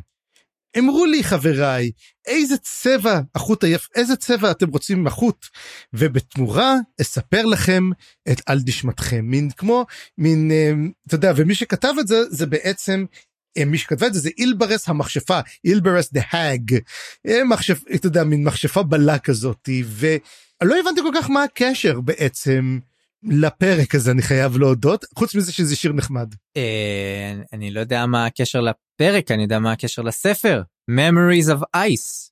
זה נכון, הזיכרונות, אולי אנחנו באמת נראה זיכרונות שמשווים אותם לדברים אחרים, אנחנו, אגב, תמיד כשאומרים Memories of Ice, Ice מזכיר לי תמיד את ה... את הג'גהותים, אתה יודע, על זיכרונות בקרח וגם מדבר על זה, פרנצ'ול מדבר על כל העולם שקפא בגלל מה שעשו ושאיך בעצם העולם נקפא, כל העולם קופא והזיכרונות שלו קפואים. גם המשעול הזה של uh, קרול החדש שבו הוא גם בעצם זיכרון כלשהו שקפא בקרח. אז מעניין, נראה לאיפה זה יוביל אותנו. רגע, אני אגיד עוד נקודה קטנה. בפרק הזה אנחנו נראה ממש, אתה יודע, אירועים שמאוד מאוד קשורים לפרולוג. ו, ויכול להיות שזה קשור לזה, זאת אומרת, הזיכרונות פה הם מלמדים אותנו גם דברים על הדמויות של העבר, אבל גם על דברים על הדמויות של ההווה. ואני חושב שעל זה, mm-hmm. על זה הספ, הקטע, האפיגרף הזה מדבר, מדבר על תגיד לי מה הצבע האהוב עליך, זאת אומרת, מתוך המארג הזה של הזיכרון, ואגיד לך מי אתה. וואי עכשיו העלית לי באמת משהו יפה שבעצם אנחנו הולכים לראות עכשיו בפרקים הבאים למעשה חוטים כל פעם נראה חוט מעבר מגיע להווה וחוט הראשון אנחנו הולכים לראות דווקא מעניין הוא דווקא יש על החיה בעלת העין האחת. זה החוט הנוכחי. וגם כן קצת מהמלחמה. אז בעצם יהיה לנו פה שני חוטים שיקשרו ביחד. אבל אנחנו מתחילים בעצם בנקודה אחרת לגמרי. קודם כל אנחנו מקבלים הודעה, הודעה אנחנו מקבלים בעצם um, את הזמנים הנוכחיים ואנחנו 1164 לבנז סליפ שזה שנה אחרי אנחנו התחלנו ב-1163 בספר הראשון ומדובר שזה שנתיים לאחר החגיגה בדרוג'יסטן. זה כבר נותן לנו חודשיים מה, כמה, מה אמרתי? שנתיים. לא לא לא חס ושלום חודשיים אחרי החגיגה בדרוג'יסטן ועכשיו פה בעצם שני תאריכים הרבה יותר מעניינים. דבר ראשון השנה הרביעית לפניון דומין למשנת פניון ודבר אחר שזאת שנת התלן של ההתאספות השנייה. ה gathering הראשון היה gathering שאיתו הם עשו את טקס התלן הרי מדובר לו שמגיעים ל gathering. אז ה second gathering הם מבטלים את השבועה? הם, הם מבטלים את זה? וואו, זה מעניין. זה לא אומר כלום, אנחנו זוכרים אבל שזה קרה ואנחנו נדבר בפרק השלישי המון המון על אותה התאספות שעומדת להגיע. ועל זה יש לך חיים אז אני ממש לא אגע בזה. אבל כן רוצה לדבר רגע על השנה הרביעית, זאת אומרת, ארבע שנים מתרוצץ אותו נביא פניון, עושה דברים נוראים, ורק עכשיו פתאום הם נזכרים? מה, מה קרה פה? לדעתי היו להם אה, דברים יותר קרובים פשוט. אתה יודע, רחוק מהעין, רחוק מהלב. כן, ועכשיו אחרי פייל זה הפך להיות פתאום קצת טיפ טיפה יותר רציני. אבל אנחנו מתחילים באופן מגניב בגשר הזה. אז יש לנו איזה תיאור קטן מאוד מאוד נחמד על um, כלכלה בעולם של מלאזן ובעצם גם כלכלה שלנו ובעצם אתה יודע מין ספר של נוח הררי כזה איך נבנות ערים ומדוע קיימות ערים ומכיוון שהגשר הזה בוטל בוא נגיד נשבר נהרס אז לכן אי אפשר היה להשתמש בגשר בשביל לעבור את הנהר והיה צריך ללכת לנקודה קצת מרוחקת שבה באמת אפשר לעבור את הנהר. ואז מכיוון שזה כך אז אנשים חצו ולקח זמן אז אנשים נעצרו שם ואז סוחרים אמרו למה אני אחכה? אני כבר אפתח את המרכולות שלי שם. ואחד עשה את זה שני עשה את זה שלישי עשה את זה מעבר השני של הנהר. וככה קמה לה בעצם מין כמו מין מעוז קטן מאחז קטן של סוחרים שבאזור היחידי שאפשר לעבור את הנהר. ואומר ואומרים אולי זה עוד כמה שנים איזה מי שיגיד מדרוג'יסטן אולי באמת תחזיר את אותו גשר שהיה פעם אבל אז כבר תהיה עיר שמה ויהיה מרכז מסחרי. וזה מאוד מעניין אתה יודע שמסביר למה קמים ערים במקומות מאוד מאוד מסוימים שאנחנו לא מכירים היום. וזה לגמרי אהבתי מאוד את הנושא הזה. ואחרי שאנחנו עושים את זה אנחנו מגיעים לאחד הסוחרים שנמצאים שם קוראים לו קרולי והוא רוצה גם כן לעבור את הנהר הוא מחכה בינתיים אם אני לא טועה יש לו בירות נכון? הוא סוחר בירה וכמובן הוא מוכר לכולם את הבירה במחיר מופקע כמובן במקומות כאלו ואומר אם הסוחר אחר כך יגיד למה התעכבת למה יש פחות? אז בעיה שלו מה אכפת לי אני עושה פה את הרווח שלי? ויש לו יש לו בעצם שכירי חרב שהוא שכר ששומרים לו על השיירות שלו. ומדובר פה בעצם על שלושה הראש שלהם קוראים לו גרנטל מין רטנני איך היית קורא לו? זה נשמע מצוין רטנני. נהם, רטנני נהמני גרנטל גם שם כזה ויש לו עוד שניים יש לו אחת שקוראים לה סטוני מנקיס היא כזאת מין בריונית כזאת בחורה שלו כדי לעצבן אותה ועוד בחור אחד מאוד מאוד חמוד שקוראים לו הרלו.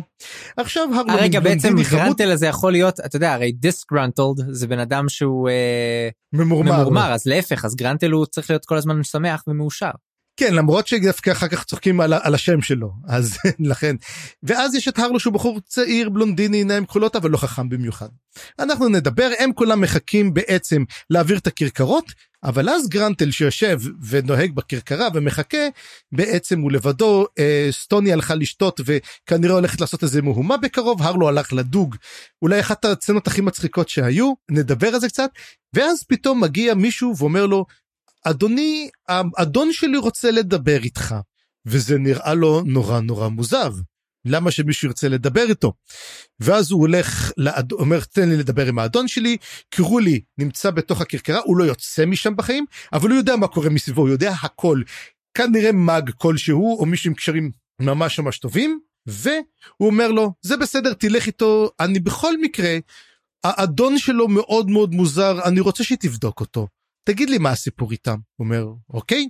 הוא אומר לו, בוא נלך הלאה. אה, הוא אומר גם כן עוד איזה סיפור על סטוני והרלו זה נחמד אבל אנחנו לא נתעסק בזה רק בוא נגיד שהרלו הוא לא כזה דייג מצוין בוא נגיד ככה. אה, יש איזה אהבתי את הקטע הזה שאומר לו מה זה הדג אומר לו הוא, צד איזה דג קטן אומר לו מה זה הדג הזה הוא אומר אני יכול אני יכול להסניף את הדג הזה מה זה יש לא יודע זה בדיחה נהדרת צריך לקרוא אותה. בכל מקרה מי שמציג את עצמו אותו בן אדם אומר הוא משרת שקוראים לו אמנסיפייטור ריס בחור קטן ומאוד מוזר. הוא לוקח אותו והוא מביא אותו למין כרכרה ממש מפוארת ענקית מדהימה ומי שיוצא משם זה מישהו שבראש שלי נראה כמו דוקטור סטרנג' מין בחור גרום כזה עם זקן נכון? זה נראה כמו דוקטור דבר ששאלתי על קמב, אה, בנדיק קמברבץ' הוא הליהוק שלו והוא קוראים לו בושליין. ובושליין הוא מין אדם די מפחיד הוא די מטריד מאוד והוא גם כן אומר לו אתה יודע, האדון שלך חוקר אותנו והוא לא מי יודע מה עושה את זה בעדינות. אז הוא אומר, הפעם אנחנו נעביר לו את זה הלאה. אבל לפני זה אני רוצה שתפגוש את השותף שלי. ואז הוא הולך איתו לנהר, הוא מחפש איתו, ואז הוא פוגש בעצם את השותף של בושליין, שזה בשבילי זה וריס ממשחקי הכס. אני קצת אתן לכם ליהוק כי זה פשוט נראה אני אוהב שאני קורא ספר אני לוקח ליהוק מכל מיני תקופות שונות שחקנים בגילאים שונים ואני אומר זה ככה קל יותר לקרוא את זה והרבה יותר קל לי אבל וריס תחשבו בין וריס לבין אנקל פסטר כמו שעשה אותה כריסטופר לויד במשפחת אדמס זה משהו כזה מישהו גדול קרח שמן כזה מדבר בקול צפצפני שקוראים לו קובל ברוץ'. והוא מפחיד את גרנטל אפילו יותר ממה שהיה פה בעייתי. והם מסתכלים והם חופרים באיזשהו מקום ואומרים, ואומר להם, מה זה המקום הזה? אומר, אה, היה פה פעם עריץ ג'גהותי, אבל הוא שוחרר ואז ואז אתה אומרים אה הנה הגענו ועוד קישור שהיה לנו נחמד לספר ואז בעצם הם עושים לנו כזה מין מספרים לנו על כל מה שקרה בספר הראשון שאני חושב שזה למען אלו שלא שומעים את הפודקאסט שלנו ועושים לו בינג' ולא קראו את הספר הראשון ולא זוכרים אותו כל כך ואז הם מסבירים לו כל מה שקרה עם רייס שהוא הלך לשמה והיה את המהומה בדרוג'יסטן ובסוף הוא נתפס וכל הדברים האלו. ששחררו אותו ואז מה שקורה יש המון המון המון שמועות ואז אומרים אנחנו הולכים בעצם להיכנס לקבר לגלות מה עוד יש שם הרי. בטוח אה, עריץ ג'גוטי נקברים כמה דברים טובים וגרנטל אומר אני ממש לא הולך להיכנס אה, לקבר ג'גוטי. ואז הם אומרים לו דרך אגב עם כל השמועות שמענו גם שיש את השמועות על נצר הירח. איפה באמת? ואז הוא אומר להם אתם רואים שם מרחוק ורואים שהוא כבר ממש ממש התרחק מהמקום ורואים שהוא גם נוטה מאז אותה מאז אותה התקפה של פייל הוא נוטה קצת בכמה מעלות אומרים אה מה קרה לו אומרים הוא חטף קצת איזה מכה באחד המבערים שלו ועכשיו הוא קצת אה, נוטה ככה. ואז הם נכנסים לתוך הקבר וגרנטל בורח בחזרה והוא אומר הלוואי שרייק ישמע אותם מהדבר הזה וידע שיש פה שני אנשים מאוד מאוד מסוכנים ויטפל בהם. וזו בעצם הצצנה uh, על um, קורבל ברוץ', בושליין וגרנטל. ואני חושב שאנחנו עוד נשמע הרבה מהשניים האלו. מה חשבת עליהם? אני חושב שנשמע עוד הרבה על השכירי חרב, אני חושב שהם יקבלו פה זמן מסך אה, נרחב, כמו שהיה לנו מקודם עם קולטיין וכל הקטע שלו, יכול להיות שזה יהיה הקטע שלהם.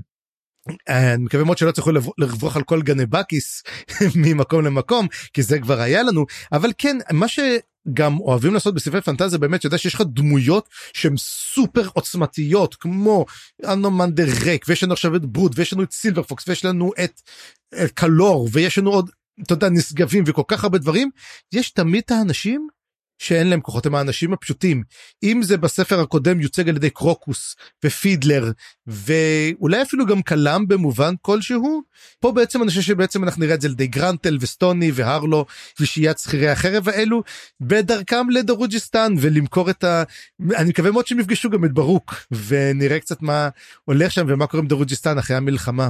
אבל אנחנו ממשיכים לנקודה הבאה ואנחנו חוזרים לפרולוג לאותה חיה חדת עין שהיא נמצאת והיא בעצם נמצאת אה, משוטטת במשעולי הכאוס והיא מוצאת שם גופה כלשהי.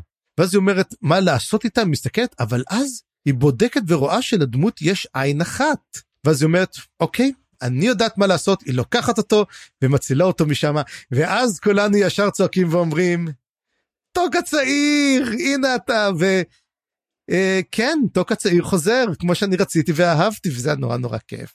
איך הרגשת? אה, תשמע, אני תמיד הולך עם צ'כוב, וצ'כוב אמר, טוק צעיר שנזרק למשעול כאוס בספר הראשון, אה, יעוף ויצא ממשעול כאוס בספר השלישי. כן. צריך להקשיב לצ'כוב. כאבן שאין לו הופכין. ל...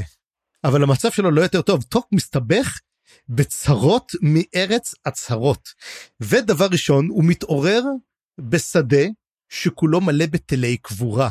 אבל הוא מסתכל והוא רואה את זה שהתלי קבורה דרך אגב נפתחו. שזה דבר מאוד מעניין. הוא מסתכל לשמיים ואז הוא רואה משהו שאנחנו מכירים. הוא רואה את הקרע של המשעול. ואז אנחנו מבינים כבר איפה בערך הוא נמצא. כמו כן הוא מסתכל על הדברים שלו והוא רואה את הקשת. ואז הוא מסתכל על הקשת ובודק אותה והוא רואה שהמיתר של הקשת שלו הוא ישן הוא כבר איבד את הגמישות שלו והוא כנראה יקרה והוא מבין רגע כמה זמן נעדרתי הוא חשב שזה רגע אבל הוא מבין שמדובר על הרבה מאוד זמן ומדובר על כמה חודשים בעצם שהוא די נעלם. ואז הוא מסתכל מסביב הוא רואה את המגדל. ואנחנו מבינים שזה אותו, מגד... אותו מגדל אה, ג'גרותי שראינו כבר לפני uh, של... 200 אלף שנה כמה 200 200 300 אלף שנה 300 אלף שנה סליחה והוא מחליט uh, לצאת אליו ותוך כדי שהוא יוצא אליו הוא פשוט רואה גופה על הרצפה. אז הוא שואל אותה את הרבה זמן פה? והגופה יוצאת כזה אומרת לו שמע אני מחכה בסך הכל וזה מתפנן לי משתזף. וזה טול אונוס טולן יושב שמה ומחכה אתה יודע עכשיו אתה יודע, הם לא צריכים אתה יודע לשבת הוא פשוט הופך לאבק ופשוט הגולגולת שלו מסתכלת ככה וזה נורא נורא מצחיק איך שהוא עושה את זה ואז הוא מדבר ואומר לו רגע מה מה אתה עושה פה ומה קורה ואז בעצם מה עושה טול? טול פשוט מספר לו מה קרה בספר הקודם אתה יודע זה מין פרק שרובו כזה מין קצת recap כזה של מה שקרה אתה יודע הגיע לורן שחררנו את הדברים אלו וכל אלו ואומר לו ומה אתה עושה עכשיו? הוא אומר עכשיו אני מחכה למי שתגיע מהמגדל כי אני צריך לדבר איתה. על מה? לא ידוע. ואז הם מגיעים ומגיעה מישהי מגיעה אישה מאוד מאוד יפה ומגיעים איתה שני אה, כלבים ענקיים שהוא מזהה אותם כאי. עכשיו איי אני חייב להגיד למי שלא יודע זה חיה אמיתית. היא באמת קיימת זה לא משהו שהמציאו. בספר בהתחלה אומרים על הרנג וכל מיני בהדרין וכל מיני שבטים כאילו איי זה מין זאב עכשיו איך יודעים את זה? כל מי שעושה תשבצים שכתוב לו חיית טרף אחת התשובות זה א' י' איי וזה מין כלב גדול כזה מין חצי כלב חצי טן כזה. מי שרוצה שיסתכל ובאמת אה, זו חיה אמיתית. אז אה, זה מאוד יפה שבכלל אה, הוא מכיר את החיות האלו. ויש להם שמות. אחד מהם קוראים לו גארת ולשני קוראים לו בלג'אג. ואז טול אומר לו בעצם אה איך קוראים לה? קוראים לה הליידי קנאה והיא הבת של דרקונוס ותשמע פה הוא אומר ויש לה גם אחות שקוראים לה שנאה. עכשיו אני יכול להגיד כזה דבר אני לא יודע כל כך הרבה על דרקונוס אבל יש לה שם מגניב הוא נתן לבנות שלו שמות נורא גרועים מה זה קנאה ושנאה.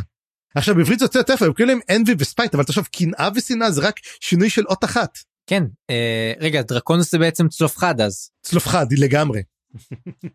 כן וזה מעניין ואז בעצם טול מגיע אליה ואומר לה רגע רגע גברתי קנאה כאילו מה את עושה במורן הם מבינים שהרי הם במורן ומבינים שהם נמצאים בעצם בגנבקיס הרי מורן נמצאת בגנבקיס בדרום גנבקיס הרחוק בדרום שמה, ואומר לו מה היא עושה, והיא אומרת לו שהיא נמצא, נמצאת במקום והיא חוקרת משהו. היא אומרת לו בוא נלך למגדל שלי, יש לי שם את המשרתים. והמשרתים שלה, יש לה שלושה משרתים שקוראים להם סגולה. ואז אני ישר מתחיל, הווי ידו הגדולה, הוציא את הסגולה. והם בעצם מין עם שמגיעים מאיזה אי אם אני לא טועה מדברים קצת עליהם שמוטים מסכות. וטוק אומר רגע מה זה הדבר הזה? כאילו איך יש לך? תחשבו שבעצם אתה מגיע ויש לך דרקונים שמשרתים אותך. הם בני אדם ככל הנראה מין שבט כזה שהוא אומר אומר טוק אומר שמו ההיררכיה שלהם זה כל דבר. הוא אומר מישהו דיבר איתך? אומרת רק אחד אולי דיבר. זאת אומרת הוא אומר שהוא מכבד אותך. השאר הם אפילו לא יסתכלו לכיוונך לא יעשו כלום כי הם מרגישים עליונים עלייך. והם מסתכלים ולכל אחד יש איזה סימנים על המסכה שלו. וזה משהו מאוד מעניין ויש להם גם שמות אחד מהם קוראים לו סנו ואז הוא ישר מגיע ומסתכל על מי על טול. הוא ישר רוצה לקרוא עליו תיגר בשביל להעלות כנראה את עצמו בהיררכיה הוא מסתכל עליו ואז אומרים לו אל תעשה את זה אל תעשה את זה הוא אומר בסדר ואז סנו מגיע קופץ עליו טול נותן לו איזה מכה פשוט על המקום מאלף אותו וזהו זה מבינים הוא לא הולך יותר לעשות את זה אבל הוא will defer to him. ואז בעצם מתחיל לדבר קצת על ה rent. אז לפני שמדברים על ה rent מה יש לך בעצם להגיד על כל הסיפור הזה של הסגולה ועל אנבי שזה זה ממש נהיה מוזר פתאום אתה יודע כל הדמויות האלה שמופיעות. אתה יודע כן ככה זה תמיד מרגיש שאנחנו מקבלים פתאום עוד אה, עוד timeline ועוד אה, קו עלילה חדש שאנחנו לא יודעים עליו כמעט כלום אבל אנחנו מהר מאוד נראה לי ניכנס פה לעניינים ואולי זה הקו עלילה השני שלנו יכול להיות זה מן הבי סייד כזה מן הדבר הזה ואז היא אומרת כמה דברים מאוד מאוד מעניינים. היא אומרת שלמעשה היא בודקת מי נמצא בתוך השער הנשמה שעושה את זה מכיוון שכל התלי קבורה שהוא היה בהם הם של קצ'אן צ'מאלה. והם ריקים כבר אומרת לו עשרות שנים אבל באחד מהם הייתה מטרונית matron. זאת פעם ראשונה שאנחנו בעצם שומעים משהו על הקצ'ן צ'מאלה זה שיש להם ארגן מין מטריארכלי. מה שקצת אומר שזה כנראה מין hive כזה אתה יודע מין עכבישים ענקיים או דבורים או משהו כזה או הפרצוף של חיים אומר משהו מגניב. תן תן תן. זאת הסיבה שהעצמות שלהן משמשות כמכשירי קשר יש להם סוג של hive mind כזה. הופה כן אולי וואלה או שכל העצמות מתקשרות למלכה ואז אפשר דרך המלכה משהו כזה אולי הם יצורים uh, חרקיים אפילו. אז אתה אומר שבעצם מה שיש להם זה בעצם האב כזה המלכה זה מין האב כזה כמו ראוטר וכל אחד פשוט זה וורקסטיישן פשוט שמתחבר אליו אוקיי בסדר נחמד. אבל עכשיו תחשוב מה אם ווקי טוקי זה בעצם עצמות של מטרוניות והן כולן מקושרות לבעצם מין מוח אחד ענק. ואולי גם כן זה היה ככה ולכן הן מסוגלות להתחבר. או האם, האם אנחנו נראה את הקצ'ן שמעלה? אני כבר מחכה כבר לראות אותם. הם נראים מגניבים לחלוטין. ואז כתוב פה שהיא אומרת לו בעצם שהיא אומרת לו שמי שסגר היא אומרת שהאימא היא הייתה בעצם מי שסגרה את ה... רנט מלכתחילה ושחררו אותה. ועכשיו הם רוצים בעצם ללכת ולבדוק לאיפה האימא הזאת הלכה. שזה יהיה מעניין לגלות את זה. וטול אומר שזה כנראה לא יהיה שם, לא יהיה במורן. כן, ואם הם רוצים למצוא תשובות, הם צריכים ללכת ולחברים הישנים שלה, למי שהיא נדדה איתם פעם, ריק וברוד החברים הישנים שלה. מראה שאין ויש לה חברים ששווה להתקנא בהם. כמו שתגיד לי מי מחבריך ואגיד לך מי אתה? ואז הם אומרים אוקיי אז בוא כולנו נלך ונלך וניפגש עם ברוד וריק ואולי נקבל שם תשובות. מי נמצא שם ומה קרה לאימא ולמה המטרונית ברחה וכנראה זה לא טוב. שיש קצ'ן צ'מאלה שנמצאים שם וכולם עולים עולים צפונה וזה סוף הפרק. ואז ללא דיחוי ייקח אותנו לפרק השני צפריר. מה אין לך שום דבר מה להגיד על הפרק הזה? אה, לא אני שמח ל- לפגוש שוב את טוק עדיין קצת Mhm. מוזר לי ולא יודע למה כל הסיפור הזה ולמה אנחנו בעצם מכוונים פה נחמד לי החיבור של טוק וטול זה נראה לי הייתי צופה בסיטקום טוק וטול אבל אה, אה, אה, לא יודע אין, אין לי המון מה להגיד על הפרק. אני יכול להגיד בעונה הראשונה היה לנו את טול ולורן ועכשיו יש לנו טול וטוק שזה יש לזה יותר חיבור טוב גם כן. טוק הוא כזה מין הוא הרבה יותר מתאים לזה. אתה יודע גם היה לנו טוק וטוק ופרן עכשיו יש לנו את זה. אז עכשיו רק חסר לנו אחרון שזה פרן וטול. לא היה לנו עדיין. שזה יכול להיות מעניין לראות את שניהם. אז נגיע לפרק השני.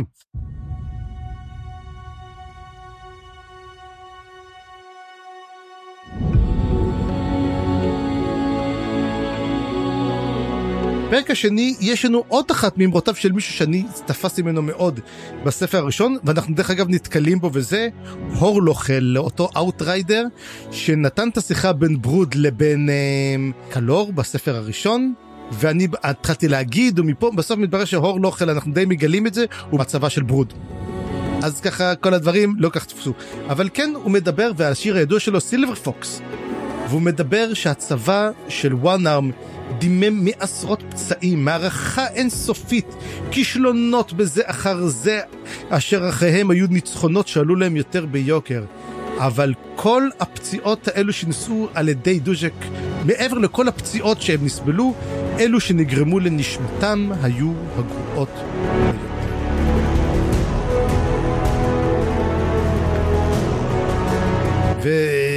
ווואו, אתה יודע, לא רק אתה מדכא אותנו גם עכשיו אנחנו מבינים שגם הצבא נשמת הצבא הלכה. אה, זאת אה, אנחנו נתעסק בזה טיפה בפרק הזה אבל אני שאלתי את עצמי תגיד מישהו שאל בכלל את הצבא של דוז'ק אם הוא רוצה עכשיו להילחם נגד האימפריה כאילו זה המצב הכי גרוע שיכול להיות תדמיין שאתה בצה"ל ושולחים אותך ל... לא יודע לאיזשהו קו או חס וחלילה מלחמה איפשהו רחוק מעבר לגבול. באיזושהי יבשת אחרת ופתאום אומרים לך אגב אתה כבר לא לא יכול לחזור עכשיו לארץ שלך ואתה כבר המולדת שאתה נלחמת עבורה נלחמת בך זה זה נראה לי אולי אחד הדברים הכי גרועים שיכול לקרות לצבא. וגם ללכת להילחם באויב אחר שאתה לא מכיר אתה לא יודע אתה לא מבין את המלחמה הזאת זה רק מראה יש מין כזה פער אדיר ממה שאנשים יודעים אבל הם הולכים להילחם עבור דוג'ק. וזה כל מה שמעניין אותם, אני נלחם עבור דוג'ק וזה מה שאני בא לעשות. זה קצת אכזרי כזה, אתה יודע, שהוא שולח אותם למלחמה כזאת, הוא גם מסתירים את העובדה שהרי לסין, אתה יודע, הם כועסים על הסין, אבל הם פועלים עבורה. הם עדיין הולכים למלחמה הזאת עבור לסין. ועכשיו אנחנו נגיע לפרק הזה, שבפרק הזה אנחנו מתחילים לראות, כמו שנאמר, את המאבק הגדול באמת כנראה שהולך להיות של הספר. אנחנו נראה פה כנראה מלחמה דו-חזיתית כבר הולכת להיות. אנחנו מיד נראה מה זה. אז קודם כל אנחנו מגיעים לפיקר, מי שזוכר את פיקר, פיקר היא גם כן מהברידג' ברנרס. היא הופיעה בספר הראשון לכמה שניות, היא הייתה למעשה אותה חיילת שפרן הגיע בהתחלה ואומר איפה הם נמצאים בפייל, אומרת לו אה, לך לשם ואת אנסי ואת פיקר. אלו שני אנשים שהיו שם והיא חוזרת, היא כזאת מין אישה עצבנית כזאתי והם הם נמצאים למעשה בנקודת משמר והם לוקחים מיסים. מה קורה? הם צריכים כסף לצבא הם פשוט עוצרים את כל האנשים ופשוט לוקחים מהם מיסים בשביל לעשות את זה. בינתיים הם מחכים. אז פיקר עוצרת הם, אמן סוחר בנקודה וקוראים לו מונוג. שאומר שאת לא איך קוראים לך אומר מונוג זאת אומרת לו תנחומיי על איזה שנתנו לך. הוא אומן והוא אומר שלמעשה הוא קיבל הזמנה מכהנים של טריאץ' לתת להביא להם צמידים שמשתלבים עד שאי אפשר לראות מאיפה אפשר לפתוח אותם. ואז יצא אומרת לו אה מה אתה מדבר? טריאץ' בכלל הוא לא אל הוא בכלל הגיבור הראשון הוא סול טייקן שעשה אסנדנט וכבר דיברנו על זה כמובן דיברנו על טריאץ' והיה לנו הרבה סול טייקנים. באמת הוא בכלל לא אל הוא סתם איזה מישהו. והיא אומרת לו אתה יודע מה? תביא לי בעצם את הדברים האלו למדוד אותם. הוא אומר לה לא ומה וזה באמת. ולקחו את האמת לו אתה רוצה בעצם uh, לעבור פה? הוא אומר לה כן. אז היא אומרת לו נו אז הנה המס תביא את הדברים האלו. ואז היא באה והיא נותנת לו כזאת מכה כזאת מכה ואומרת לו אוי סליחה באמת באמת סליחה ושלחת אותו לדרכו תוך כדי שהיא מחברת את הצמידים ואז מסתכלים על הצמידים והיא באה ומסתכלת ואומרת אמ, אני לא יכולה כל כך לפתוח את זה זה די תקוע לי אז היא אומרת לה אוקיי בוא נקרא לקוויק בן שיראה מה לעשות איך להוריד לך את זה מהר לפני שנצטרך לחתוך לך את היד הזאת. אז מגיע אחת אחד הנקודות היפות ביותר בפרק. ומונוג הולך והוא סובל מכאבים כי יש לו גידולים בין הרגליים שלו ואז הוא הולך בתוך איזה שביל צדדי ונעלם פה.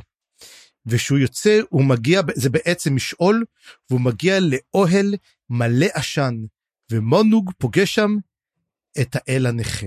ואז הוא אומר לו אתה הבאת לי את מה שאני רוצה והוא אומר לו כן הבאתי לך את הקלפים והוא נותן לו הוא בעצם יצר לו חפיסת קלפים של הפתיד הוא יצר לו חפיסת דרקונים. אבל הוא עשה שם שינוי. כל קלף מראה פגם. גם הקלפים עצמם פגומים וגם הקלף עצמו פגם. כל אחד שנראה שם כנראה כל אחד האלים הנשגבים הוא מביע משהו מעוות בו שזה מאוד דומה בעצם לאל הנכה הוא עצמו מעוות ככל הנראה הוא גם מאוד משתעל הוא עדיין הרכיב את עצמו אבל כנראה ב-300 ב-120 אלף שנה הוא לא הצליח להרכיב את כולו ביחד ואז הוא אומר לו אתה מה שעשית עכשיו התחלת משחק חדש. וזה מאוד מזכיר לי את כל המשחקים שהם היו ממציאים אותם כל uh, פידלר מי היה ממציא את המשחקים פידלר אני חושב. כן שורפי הקשרים הם uh, דיברו על זה.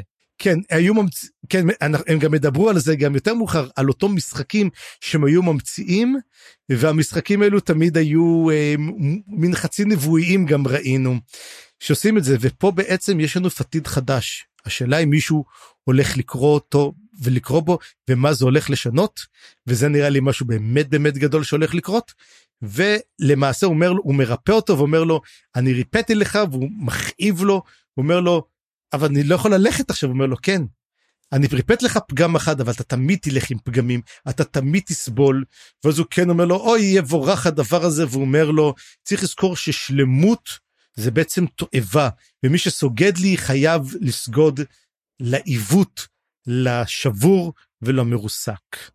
לגמרי סצנה ממש ממש חזקה וכן זה ממש הזכיר לי אתה יודע כל מיני אלמנטים של דתות מסוימות וכל מיני כזה סיגופים ואתה יודע סבל בעולם הזה בשביל uh, תועלת בעולם הבא רק שפה זה עוד יותר קיצוני מזה כאילו הוא כן מדבר על איזושהי סוג של ישועה אבל הוא אומר mm-hmm. האל הנכה מדבר על המניעים של מונוג והוא אומר כן, אתה יודע, אני בכל זאת מרגיש ממך שאתה מחפש תענוגות, ולמונוג זה, כאילו, הוא לא מצליח להסתיר את זה ממנו, כי האל הנכה הוא כמובן בוחן כליות ולב, אבל, וגם מטיל בהם מומים, אבל הוא, כן, הוא לא טיפוס סימפטי, לא אל שהייתי רוצה לעבוד אותו, וזה מאוד מזכיר לי את האלים הלבקרפטיים, שאנחנו לא מסוגלים להבין אותם, שיש כן. להם סוג של אה, אימה קוסמית כזאת זה מה שהרגשתי מהאל הנכה. כן לגמרי זאת ההרגשה שמגיעה ממנו כאילו אל של ריקבון של כאוס שלא לגמרי קולטים אותו ועדיין סוגדים לו כמו שגם סגדו לכל האלים המוזרים בכתבים של קלף, לאפקראפט ואנחנו חוזרים ביחד לפיקר ובלנד עוד אחת שנמצאת איתה ואז הן מדברות ואז אומרות אה כן דרך אגב היא אומרת זה שמצאתי לו וחיפשתי לו היא אומרת אני יודעת אבל הוא הסתיר משהו מתחתיו נכון? היא אומרת ואז זה שנתתי לו כיף בעצם השתלתי לו אבן אבן שקוויקבן נתן לנו וזאת אבן שלמעשה הוא יכול לעקוב אחריו. אז למעשה שמנו לו את זה שיכול לעשות את זה. ואז בעצם אה, קוויקבן מגיע הוא מגיע על ידי הטיסה של המורנסים השחורים והוא מסתכל על, ה... על הצמידים שיש לפיקר ואומר או אני רואה שאחד הנשגבים בירך אותך. ואז שהיא אומרת לו איזה יופי וזה רגע זאת אומרת של מי זה? אומר אומרת אה זה של טריאץ' אז הוא אומר תגידי לי את בסדר? אומר טריאץ' הפך להיות חיה. הוא כבר איזה כמה מאות שנים הוא כבר לא בן אדם הוא לא חושב כבר כמו בן אדם. אז uh, תיזהרי פה ממה שהולך לקרות לך אז אני לא יודע אם פיקר תשרוד עד סוף הספר אני כבר אומר את זה. אבל אז הוא אומר לו טוב בוא נראה לאיפה הטרקר הזה הגיע כאילו אומר בוא נעקוב אחריו בוא נראה לאיפה הוא מגיע ואז um, הוא הולך לבדוק ואז הוא הולך דרך משעול והוא מגיע גם כן לאוהל של האל האחד. ואם חשב האל האחד איזה האל האחד של האל הנכה ואם חשבתם שהאל הנכה הוא איזה לפלף הוא משתעל הוא יותר משתעל הוא יותר כמו דארף ויידר מאשר שהוא משהו אחר הוא תופס את קוויקבן הוא פשוט תופס אותו. וקוויקבן מבין שאם יש לו את האבן הזאת, אם משהו תפס אותו, הוא יכול יהיה לשלוט בקוויקבן. כי זה קשר אליו, קוויקבן פותח את כל המשעולים שלו, והוא נלחם נגדו, ובאופן לא אופן הוא מצליח לברוח. ברגע האחרון, לאיפה הוא בורח? הוא בורח לתוך ברן, למשעול של ברן עצמה. ובמשעול של ברן הוא מוצא את הענקים הגדולים. רק הערה קטנה על הסצנה הזאת, כי לדעתי היה פה עוד כמה דברים קטנים שמאוד מאוד תפסו אותי. דבר ראשון, היה פה רמז מאוד חזק על הכוח של קוויקבן, אתה קלטת את זה? מה זאת אומרת? שהוא אומר, הוא חושב לעצמו שהוא הולך לפתוח את השבעה משעולים, אבל הוא אומר, אני כמובן יודע לשלוט ביותר, אבל אני יכול לפתוח רק שבעה משעולים בפעם אחת. אז אם, כן. אם עד עכשיו אמרנו, מה, קוויקבן יכול לשלוט בשבעה משעולים? oh my god, oh הוא כל כך חזק. ועכשיו אנחנו מגלים שהוא יודע לשלוט ביותר משבעה משעולים, פשוט הוא לא יכול לשלוט בהם בבת אחת. כן. זה חתיכת זה.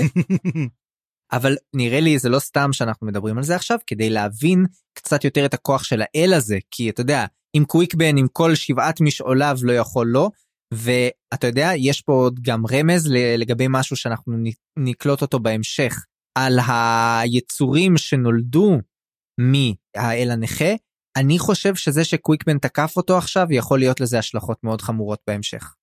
או, זה מעניין, אה, זה מאוד מעניין, אני לא חשבתי על זה, אבל באמת נראה שנגיע לשם.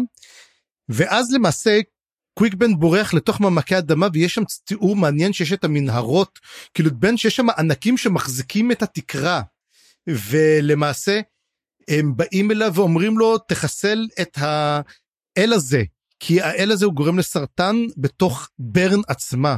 אז הוא אומר לו תעשה את זה מהר האלה מתה היא גוססת אז הוא אומר לו רגע עוד כמה זמן יש לנו? חושב מה כאילו ממש? באמת אומר עוד כמה עשרות שנים. אז אומר בן או, טוב עוד כמה עשרות שנים. הוא אומר אצלהם התפיסות זמן שונות חיים מיליארדי שנים. חושבים עוד עשרות שנים זה מחר אצלהם. אז הוא אומר טוב אני יכול עוד לטפל בזה. אבל הוא אומר אני מבטיח שאני אחזור ואני אטפל בכם אבל בינתיים הוא בורח משם. והוא מבין שיש אויב לא קטן שנמצא אבל זה די הפתיע אותי כי אמרתי וואלה אם האל הנכה הזה הוא באמת האויב הגדול די מהר עלו עליו כאילו די מהר אנחנו גילינו כבר מי הוא. כן אבל אני חושב שאתה יודע זאת משימה לקוויקבן אני לא יודע כמה השאר יהיו קשורים לזה אני לא חושב שהצבא נגיד יכול לעשות משהו לג... לדבר הזה. כן. טוב בכל מקרה עכשיו אה, מחליט מבינים שזה הזמן הגיע ללכת הם מתחילים לקפל את הנקודה הזאת וכולם צריכים הולכים להצטרף למעשה לנקודת המפגש של הצבא המלזני יחד עם הצבא של ברוד וכולם מתחילים להתקפל וגם אחד מהם זה פארן ופארן מתחיל להרגיש לא טוב הוא מתחיל להיות חולה. ויש לו המון המון סיוטים המון כאבים והוא מבין שכנראה הבעיה היא בגלל הדם של הכלבים שנכנס בו. עכשיו כפי שאתה רואה זוכר שדיברנו בספר הראשון שהוא נגע בדם ופה זה קצת מבין שהוא די בלע את הדם של ה... הוא לא רק נגע כנראה זה נספג הוא באמת בפעם הראשונה שקראתי זוכר שהוא um, אכל את הדם שלהם והוא גם כן um, אתה יודע יש איזה קטע שם עצוב שהוא מסתכל ואומר טוב מה נעשה? אומר טוב. הוא אומר מה קורה? מעניין באימפריה אומר טוב תבוא ותשתלט על עסקי המשפחה כזה. הוא לא יודע מה קורה. וזה היה נורא נורא עצוב קטע נורא נורא אירוני. וגם זה מתחיל להתקשר פה גם לקטע של דרקונוס. אנחנו מתחילים לקבל פה כל מיני דמויות שמתחילות להימשך אחת לשנייה.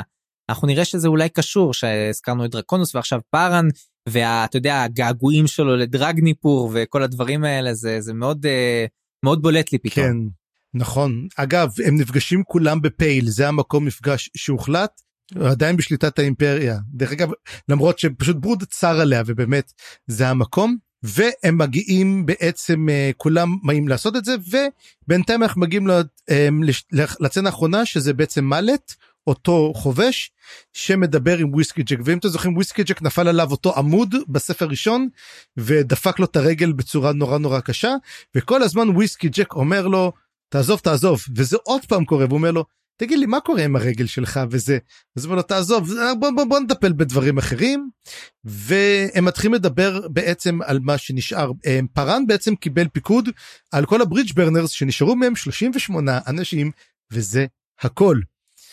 ועכשיו הם מדברים שהם צריכים באמת ללכת ומלט אומר שבפארן יש כישוף והכישוף הזה הורג אותו. והם מבינים שהם צריכים לטפל בו ולא יודעים עדיין מי יכול לטפל בו אומרים טוב ניתן לקוויקבן שיחזור שיסתכל עליו אולי הוא יכול לעזור לו אבל המצב של פארן מאוד מאוד לא טוב. אגב מלט אומר שהוא לא יכול לטפל בפארן כי משעול דנול בורח כאילו הוא נרתע ממנו. ואנחנו יודעים על משעול אה, הופכי למשעול דנול? כן. כי, כי הייתי אומר הייתי...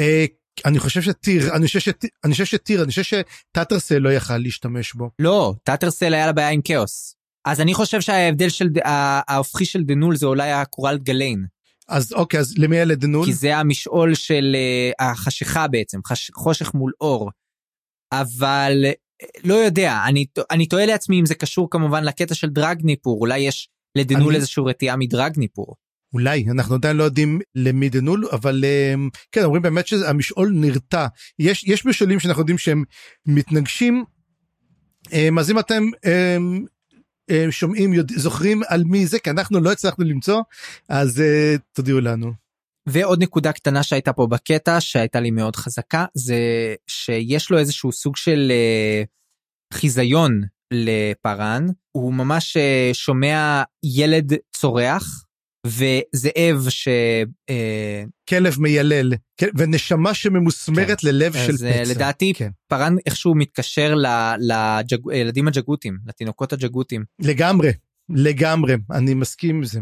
וזה לא ברור לאיפה זה מוביל רק מה אני פתאום חשבתי שאולי יש איזשהו קשר לכלבי השאול לדברים האלה. לכלבי הצללים? כן כלבי, כלבי הצללים ואני רשמתי על זה הערה כלשהי אחרת ואולי נזכיר אותה בהמשך. אז זהו זאת השאלה באמת טובה.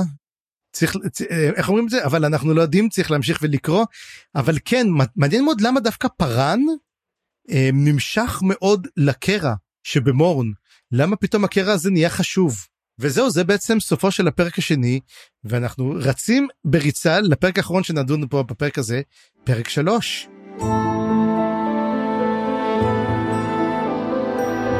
כן, ואנחנו מתחילים בקטע שהוא מאוד מאוד רלוונטי, קוראים לו וידוייו של ארטנתוס. ואני לא בטוח, אנחנו לא כנראה יודעים מי זה, אבל הוא מתאר בעצם אירוע מאוד מאוד מקרוב, כאילו, את מה שקורה עכשיו. הוא בעצם מדבר על המצב של דוז'ק והצבא שלו. שמגיעים עכשיו קלאדן ברוד, והם הולכים עכשיו, והטיסטה אנדי שלו, וכל הברגסטים וכולי וכולי, והם הולכים עכשיו לעשות את הפגישה הזאת.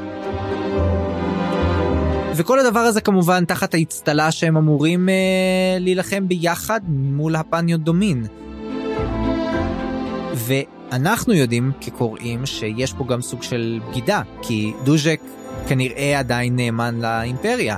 אז יש פה באמת כזה מצב מאוד מאוד קשה, ואז הוא אומר דבר מאוד מעניין. הוא אומר, אף אחד לא ציפה שהקלאש הזה, בעצם התנגשות של שני הדברים האלה, לא תהיה התנגשות של חרבות, אלא של עולמות. ואני חושב שזה מה שעומד פה מעל לכל האירועים שאנחנו נראה עכשיו. במפגש הזה ובעצם במשא ומתן הזה, אנחנו פוגשים שתי תרבויות, שני עולמות שונים שנפגשים, האם הם יצליחו לגשר על הפער, האם לא, אה, זה בעצם מה שהולך להיות פה. אנחנו נראה את זה גם כשעולמות לא כך שונים כמו שאנחנו חושבים, אבל עוד דבר, ארטנטוס זו דמות חדשה אבל היא מופיעה גם בפרק הזה. אנחנו נכיר אותה. ויש לי הרבה שאלות לגביה, דרך אגב, לגבי זהותו של ארטנטוס. בסדר, ואנחנו בעצם מתחילים את הפרק מנקודת מבטה של מישהי שאנחנו לא יודעים עדיין את השם שלה, וכנראה גם לא נדע, כי היא מזדהה בתור התפקיד שלה. התפקיד שלה זה נקרא המיב. מייבי. נראה לי בזה הוא אומר מיב, אבל uh, you're right. Uh, ו... סליחה על זה. אה, אוקיי, אז היא בעצם נמצאת באוהל שלה ואנחנו מקבלים ממנה קצת info dump קטנצ'יק. וזה קשור כמובן לסילבר פוקס והעובדה שזה קשור וזה שזה קשור לסילבר פוקס זה מכיוון שמייב זאת או מייבי היא בעצם אימא של סילבר פוקס. זאת אומרת זאת שילדה אותה בחלום אה, או במשעול של קרול או איך, ש... איך שלא סיכמנו מקודם ובעצם היא מספרת את הסיפור שלה שהוא מאוד מאוד עצוב. היא הייתה בעצם אישה צעירה ש, בעצם לא היה לה אפשרות ללדת. מזכיר מאוד את הסוף של הספר הקודם עם האישה הוויקנית. בעצם היא, היא לא תכננה להיות אה, אה, אימא, היא לא תכננה להתחתן למרות שהרבה חיזרו אחריה, ופתאום היא מקבלת בעצם את ה...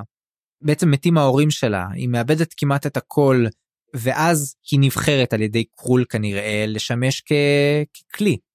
ומרגע שהיא מולידה את סילבר פוקס, שאנחנו מבינים שזה קרה לפני שישה חודשים, אבל בשישה חודשים האלה, אנחנו עוד מעט נראה, סילבר פוקס גדלה כ... ב... ב... נראית עכשיו כמו ילדה בת עשר. וזה מזכיר לנו גם את הסצנה של פארן, שהוא ראה את סילבר פוקס, והייתה שם אישה זקנה. זאת הייתה מיב, שכי מיב הזאת היא, אני אקרא לה מיב פשוט, זה, זה נוח לי, אם אחר כך נשנה אז נשנה. בכל מקרה המיב הזאת נראתה כמו אישה מאוד מאוד זקנה וזה מאוד מוזר כי הרי היא הייתה אישה צעירה כשהיא ילדה.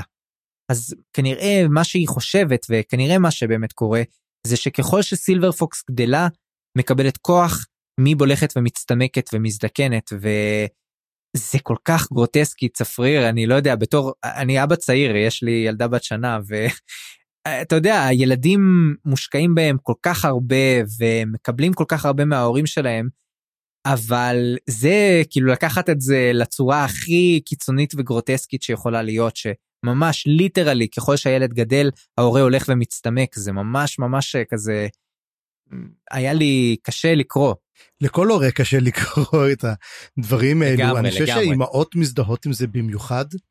תמיד יש איזה יש איזה אמונה גם אני שמעתי את זה הרבה פעמים שאם אישה יולדת בת אז היא לוקחת לה את היופי. יש איזה מין המון המון אמונות שמעתי שכאילו בעיקר בנות לוקחות מהאימא יותר מאשר בנים לוקחים מהאם. זה תמיד יש איזה מין תחרות קטנה אפילו בין אמהות לבנות על הדברים האלו אבל פה לגמרי היא הורגת אותה. כאילו תמיד אומרים אתה הורג אתה תהרוג אותי או אתה לוקח לי את כל הכוח וזה כל כך ברור למי שהורה אתה יודע כל הדברים האלו כמה ילדים מתישים. היא ליטרלי לוקחת לה את החיים. כן לפחות זה מה שמיב מאמינה ואתה יודע זה כל כך מעניין לקרוא גם איך היא מת, מתייחסת לזה כאילו היא היא לא היא מנסה להרגיע את סילבר פוקס היא, היא, היא מאוד מושקעת בה היא אוהבת אותה למרות זאת והיא מנסה לחנך אותה ואיך יש לה כוחות היא הופכת להיות דמות נורא טרגית אבל גם הירואית במובן מסוים. היא גם לא אני גם אני קרא אני קיבלתי אותה ממנה וייבים של שהיא כועסת על זה היא לא רוצה להיות בתפקיד הזה. היא מרירה. כן אתה יודע זה, זה אולי, אולי זה בעצם הקונפליקט הגדול של האימהות שהיא אתה יודע האימא כבר לא נחשבת לאישה בזכות עצמה היא כבר אימא לא מתייחסים אליה היא נראית אחרת היא שונה אה, היא כבר לא אותה מישהי אתה יודע וזה פה פה פה הוא לקח את זה קצת לקיצון הייתי אומר אריקסון בנושא הזה. כן ובכל מקרה אנחנו מבינים ממנה את כל המצב הזה עם סילבר פוקס וגם סוג של אמירה נבואית כזאת כשסילבר פוקס תגיע לפרקה אני אמות. זה ממש ממש אה, קריטי אני חושב אנחנו אולי אולי זה אולי זה יותר אה, פשוט כאילו אולי זה לא כזה אחד לאחד כמו שהיא אומרת אבל זה ממש ממש משפיע לי על הקריאה עכשיו של הפרקים האלה. ומה שקורה אחר כך בעצם היא פוגשת את קורלט. היא יוצאת מהאוהל פוגשת את קורלט וקורלט אנחנו פגשנו כבר זאת בעצם אחת מהקוסמים החזקים של אנומנדר ריק. ומה קורלט עושה פה? כנראה היא נשלחה לתצפת על, אה, על סילבר פוקס. כנראה שאנומנדר ריק מבין מה קורה פה. אגב קוראים לו קורלט. קורלט, סליחה, קורלט. ומסתבר שהן מדברות, ואני חושב שיש ביניהם כימיה טובה, זאת אומרת, מתחיל להיווצר ביניהם אה, מין אה, קשר טוב, וצפריר, אני שכחתי לומר בתחילת הפרק הזה, אבל רוב הפרק הזה זה פשוט דיבורים. היה לי מה זה קשה עם הפרק הזה, ואתה יודע, זה לא נכון. שזה דיבורים משעממים, זה דיבורים סבבה, אבל באמת שלא קורה כמעט כלום בפרק הזה, אבל אז תנסו להחזיק איתי חזק, כי זה לא כזה פשוט. תשמע זה נכון אבל אני שדע תראה זה פרק שמכין אותך לקראת הבאות זה פרק שדי פרק קרקס כזה אתה ממנו קורא מבין איפה אתה נמצא מבין מה הולך לקרות בספרים ורץ איתו על ה... אני דווקא אוהב את הדברים האלו כי אני אוהב אתה יודע אנשים מדברים עושים פגישות ישיבות. אבל אתה יודע זה זה אני זה אתה יודע זה כמו שאחד הפרקים שאני חייב בשר הטבעות זה ישיבה של אלרונד זה הפרקים שאני מדלג עליהם כי אני רוצה כבר להגיע לאקשן אתה מבין אבל יש בזה אקשן כי כן. מתכננים ומגלים וזה לאט לאט לאט זה הכיף זה ה fun זה ה fun ב- ב- זה ה fun אבל אבל כשעושים מזה סרט אז צריך את גימלי שירוץ על הטבעת וינסה להרבי, אה, להשמיד אותה עם הגרזן כדי שזה יהיה מעניין אתה מבין כן, נכון. אוקיי, אז, אז יש לנו בעצם uh, את קורלט הזאת שבעצם גם, גם מדברת על, על מה שהיא חושבת על סילבר פוקס וכמה היא קצת מפחדת ממנה אולי, אבל היא כבר מגלה לנו שלקלור יש יחס מאוד מאוד מיוחד לסילבר פוקס, הוא בעצם סוג של שונא אותה. הוא ישר מתייחס אליה בצורה מאוד מאוד זדונית, הוא רוצה להרוג אותה, הוא רוצה להשמיד אותה כנראה. הוא לא עושה את זה עדיין, אבל, אבל אנחנו מבינים שהכוונות שלו כלפיה מאוד מאוד לא טובות, וזה כמובן נותן לנו איזשהו רמז לגבי מי זאת סילבר פוקס ומה יש בתוכה, אבל אנחנו נגיע לזה עוד מעט. ובכל מקרה, הקורלט הזאת לא יודעת מה קורה בעצם, היא, היא מדברת על המצב פה עם דוז'ק ו- וקלדן ברוד, היא כאילו קצת צופה מהצד בדברים. וזה מאוד מעניין, אתה היית חושב שאנומנדר ריק יהיה מאוד מושקע ב alliance הזה, אה, שהוא יהיה פה אישית, אבל לא, לא רק שהוא לא פה, אלא הוא שלח את הקורלט הזאת שתסתכל על הדברים וגם היא לא מתערבת כל כך. זאת אומרת, לקלדן ברוד יש ממש את המנדט לעשות פה מה שהוא חושב. צריך לזכור שהטיסטי אנדי בוחרים את הקרבות שלהם ובוחרים קרבות מעניינים. אז נראה שבעצם הוא שולח אותה כמו פרוספקטור כזה תראי אם הקרב הזה מעניין בשביל שנתערב פה. היא נראה לי תסתכלי זה נראה טוב את רואה שיש פה משהו זה יש פה יהיה מעניין כדאי להתערב אני אתערב פה. זה מה שאני ראיתי אבל קורלט יש בה כמה שהם הארטיסטי אנדי הם חסרי לב הרי הם הרבה זמן חיים. הם עושים את הקרבות ודי עושים אותם אתה יודע לפאן לא לשום דבר אחר. יש בה המון חמלה. כן לגמרי. ועוד מעט אנחנו רואים גם שסילבר פוקס מצטרפת אליהן ו... סילבר פוקס ככה כבר אנחנו מתחילים להבין יש לה המון כוחות לא רק אה, אתה יודע אולי קסומים ואנחנו יודעים שגם שהיא סולטקן לא, לא ראינו mm-hmm. אותה משנה צורה אבל היא מקבלת אה, כל מיני נבואות ו- והשקפות מאוד מאוד חדות על המציאות. ואז גם יש למיב סוג של אה, מבט מאוד מעניין היא מסתכלת על שלושתן ככה מבחוץ והיא אומרת בעצם יש פה תמונה הפוכה של המציאות יש לנו את. האישה המבוגרת, האישה שנראית צעירה והילדה, ובעצם הכל הפוך, כי אני אמנם נראית מבוגרת, אבל אני לא, ממש צעירה בעצם. יש פה את הטיסטה אנדי שנראית צעירה, אבל היא בת עשרות אלפי שנים, ויש את הילדה הזאת שנראית ילדה, אבל בעצם יש לה זיכרונות של מאות אלפי שנים. וצפריר פה אני חושב מתחיל להיות לנו רמז מאוד מאוד דק אבל מאוד רציני לזה שלסילבר פוקס יש קטע מאוד תלני מסי בתוכה או לפחות תלני. זה לא שיש לנו זה יש לנו מאוד רמז היא אומרת לה בוודאות מה כבר סילבר פוקס מי היא סילבר פוקס ומה התפקיד שלה אנחנו נראה את זה יותר מאוחר. כן כן זה עוד עוד רגע נכון אני פשוט אומר שכבר פה כי הרי היצורים היחידים שאנחנו מכירים שהם חיים מאות אלפי שנים זה הטלנימאסים קלור והאלים העתיקים. זהו בעצם. וג'גותים. ג'גותים כן. 아. אה. בסדר אבל אני אומר היא לא ג'גותית כי אחרת היה לה ניבים אני יודע. אבל אה, כן. ואה, אה, אה, אה, ואנחנו יודעים שהיא קשורה לפרנצ'ול, זה גם פרנצ'ול. נכון, וגם לזכור שבגלל זה אני חושב שהמשעול שבו נעשה כל הסיפור הזה, הוא בתלן היה. כן, כן, אני, אני בטוח שזה תלן, אתה צודק, אבל השאלה, מה הקשר בין זה לבין קרול ומה הקשר בין זה לבין קראפ, שאלה השאלות הקשות אני חושב. החלום של קראפ כנראה הוא, בת... הוא ב... כנראה הוא בתלן. יש לו כנראה גישה לתלן בגלל זה אמרתי התיאוריה הפסיכית שלי שהוא למעשה אימאס או שיש לו אה, נצר לתלן אימאס. אוקיי אז אנחנו בעצם יוצאים עם שלושת הדמויות האלה לכיוון הפגישה הידועה שאנחנו דיברנו עליה וציפינו לה בעצם בין אה, קלאדן ברוד ודוג'ק ואז הם מגיעים לשם ודוז'ק מגיע עם וויסקי ג'ק ועם ארטנטוס הזה ש... כתב את האפיגרף בתחילת הפרק ובאמת הוא הסטנדרט בר. זאת אומרת הוא הנושא הנס כן? זה לא שמענו עליו עד עכשיו משום מה. לא פעם ראשונה. אוקיי. לא יודע אולי הוא קיבל העלאה לאחרונה קיבל העלאה בדרגה או משהו. בכל מקרה קלדן ברוד מגיע עם קלור ועם הורלוכל והם מתחילים uh, לדבר.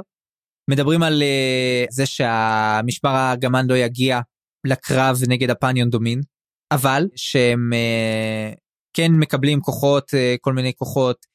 וויסקי ג'ק אה, יש לו שם הזדמנות להגיד כל מיני דברים משעשעים ודוז'ק מסביר למה הם אה, יש להם בעצם את, הש, את העזרה של המורנט השחור ושהטלה נמאס לא השתתפו בקרב הזה בקיצור הם עושים שוק סוג של ספירת מלאי ואולי מדברים על המשאבים שיש להם לפרויקט הגדול הזה שהם הולכים ללכת אליו. שמע זה לא נראה כאילו הם צריכים הרבה שכנוע נראה שכולם פה באותו ראש פחות או יותר. עד כדי כך שאנחנו נראה בפרק הזה קלאדן ברוט ודוז'ק כל הזמן יש להם משלימים אחד לשני את המשפטים הם ממש מבינים אחד את השני באותו ראש לא שום דבר לא מפריע להם. לדעתי מה שהולך להיות פה בעיה זה שני דברים. קודם כל אנחנו יודעים שלדוז'ק יש פה סוד מלוכלך זה דבר ראשון שיכול מאוד לפגוע באחווה הזאת ודבר שני יש פה עוד גורמים שהם לא דוז'ק וקלאדן ברוד יש פה את קלור שאני מאוד מאוד חושש ממנו וממה שהוא עשוי לעשות ויש לנו כל מיני גורמים כאלה מהצד אתה יודע התל"ן נמאס שכאילו מהצד הם לא הולכים להשתתף אבל אולי הם כן הולכים להשתתף אנחנו נראה עוד מעט. יש לנו את אנומנדה uh, רייק where the hell is רייק ואתה יודע כל הדברים האלה גורמים לי לחשוב שיהיה פה קצת מורכבות למרות ה, הקטע הזה עוד בכלל בלי שאנחנו מזכירים את הדופניון הזה ומה הוא הולך לעשות. כן יש פה ברית uh, מאוד מאוד מאוד רעועה. היא מתחילה אבל טוב מאוד אתה יודע דושק וברוט אתה אומר להם just get a room. בסוף גם עושים את זה בסוף גם מפנים אותם כאילו לכו תתכננו לבד. מה שאתם רוצים נראה שהם באמת כמו נשמות החיות. גם מדברים על זה אני חושב שגם כן אה, קורלט מסתכלת על זה ואומרת מדהים כמה הם מסתדרים כמה הם רואים אחד את השני רואים עין בעין גם התרמית שעושה דוז'ק ואנחנו נראה את התרמית הזאתי דווקא ברוד אומר אני דווקא מסכים שעשית בסדר כאילו הוא אומר לו לא היית צריך להסתיר את זה ממני זה זה היה בסדר גמור. כן בעצם אתה צודק כי סילבר פוקס היא זאת שעולה על התרמית הזאת. היא מסתכלת סילבר פוקס מאוד מסוכנת היא מאוד מסוכנת. היא מסתכלת עליהם והיא אומרת ככה לוחשת לאימא שלה באוזן. אה, הם ממש אה, הם ממש מתכננים משהו מלוכלך. יש פה סוד בין וויסקי ג'ק לד, לדוז'ק. אבל היא גם אומרת שהיא מאוד סומכת על וויסקי ג'ק. ופה נדלקת בעצם נורה. דוד וויסקי ג'ק היא קוראת לו רוצה אותו כדוד. כן דוד וויסקי ג'ק נכון. ואז היא גם אומרת עוד כמה דברים מעניינים. היא גם אומרת שהארטנתוס הזה הוא לא מה שהוא נראה שזה אולי הסיבה שאנחנו לא זיהינו אותו עד עכשיו. אולי זה קוויקבן. אה, יכול להיות אנחנו אבל לא אולי זה מישהו אחר. אנחנו עדיין לא יודעים אם קוויקבן וכל החבורה הגיעו כי הם בדרך אתה מבין? אני לא חושב שהם הגיעו. כן. אגב יכול להיות שזה פארן. לא לא לא לא זה לא פארן כי פארן לא יודע שהיא פה אפילו עדיין. הם מדברים אחר כך על האם להגיד לו או לא להגיד לו. כן. לא זה לא פארן זה לא פארן. אבל בכל מקרה אנחנו לא יודעים מי זה. אז מי עוד נשאר לנו בתכלס? אולי זה תופר שליח של התופר. Mm, אתה חושב אתה חושב שזה טופר? אולי טופר אולי מישהו אחר מהתופר שאנחנו לא יודעים מי זה. שלסין שלחה כדי שיפקח פה על העניינים. לא יודע. בקיצור אנחנו לא יודעים מי זה וגם שאלה למה לא ראינו אותו עד עכשיו? אבל היא שמה לב שזה לא מישהו נראה וקורלט אומרת שהיא לא מרגישה שום אה, קסם פה אז כנראה שזה לא קסם. וגם אה, אנחנו פוגשים שיש שם את קרון שלא יודע אם התגעגעת אליה או לא אבל היא בכל זאת דמות מאוד מעניינת והיא גם מזהירה מסילבר פוקס זה שהיא תצטרך עזרה ושיש בינה לבין מי באיזשהו קשר קסום שמגן עליה אבל זה לא יגן עליה מפני משהו שקרון מרגישה אותו. אני חושב שקרון מדברת על קלור אבל יכול להיות שאני טועה. Mm-hmm. אוקיי בקיצור הם עוברים בעצם לאוהל הפיקוד ושם וויסקי ג'ק מוצא את השולחן עץ שהיה שייך לברידג' ברנרס והוא נגנב בבלק דוג פורסט. בקיצור מה שקורה פה פה קורה הקטע שוויסקי ג'ק בעצם קולט את סילבר פוקס וסילבר פוקס אומרת שהיא uh, קוראת לו דוד ואז קלור נורא נורא מתעצבן והוא ממש מתחיל לאיים עליה פיזית הוא תופס אותה ואז קורה משהו מאוד מעניין. גם קלאדן ברוד וגם וויסקי ג'ק קופצים עליו וויסקי ג'ק ממש מעיף אותו הוא נותן לו מכה מעיף אותו לרצפה. תקשיב קלור זה זה לא יצור סתם שנותנים לו מכות זה כמו לתת כאפה לאנומנדר ריק לא עושים דברים כאלה אני לא יודע אבל וויסקי ג'ק לא אכפת לו. הוא מעיף אותו לרצפה ואז קלאדן ברוד מרגיע את קלור ואומר לו אתה לא יכול להתייחס ככה לבני ברית שלך. וקלור אה, עדיין אומר שהיא מרושעת ו... ואז הוא בעצם מגלה לסילבר פוקס על הדרך שהיא שואבת את הכוחות מאימא שלה ממיב הוא אומר תסתכלו על הדבר המזעזע שהיא עושה כן הדבר הגרוטסקי הזה. וזה היה מאוד מאוד קשה לסילבר פוקס לשמוע ומיב הייתה צריכה ממש להרגיע אותה בשביל זה. ואז וויסקי ג'ק עושה כזה רגע רגע רגע אני לא מבין. מי זאת הילדה הזאת? למה היא עושה פה בכלל? למה אנחנו מקשיבים לה? רק עכשיו הוא שם לב כאילו כן. כן. לא כי עד עכשיו אתה יודע היא כזה דיברה על אמא שלה יותר וזה אבל פתאום קלור מתעצבן עליה קופץ עליה הוא לא מבין מה קורה פה. ואז אה, בעצם אה, סילבר פוקס אומרת אה אוקיי אתה לא מבין? טוב אז בואי אני אספר לך את כל מה שעבר עליי ובעצם שוטחת בפניו את כל הסיפור ומגלה לו את הסיפור הזה וויסקי ג'ק הזה כזה אומר אה וואו אוקיי או מה, מה יהיה עם פארן הוא כזה חושב מה יהיה עם פארן. ואנחנו מבינים מה החלק של סילבר פוקס פה בסיפור הזה מבחינת דוז'ק וויסקי ג'ק כי דוז'ק ממש כבר uh, שם לב לזה. אנחנו מבינים שיש לה קשר מאוד מאוד חזק לטלנימאס כמו שאמרנו מקודם עד כדי כך שהיא כנראה מטילת עצמות. היא לא רק soletaken היא גם מטילת עצמות וזה אומר שמה שאמרת מקודם על ה... אתה יודע, ה-second gathering הזה של הטלנימאס, רוב הסיכויים שסילבר פוקס אומרת, עומדת פה במרכזו. זאת אומרת, מה שאני, מה שאני צופה שיקרה פה, זה שבעצם הצבא של דוז'ק יקבל תגבורת מאוד מאוד חזקה של טלני מסים. עד כדי כך שאולי תהיה יותר חזקה מהכוחות הטלני מסים שיש כרגע לאימפריה, אנחנו לא יודעים איפה הם, אנחנו לא יודעים מה המצב שלהם.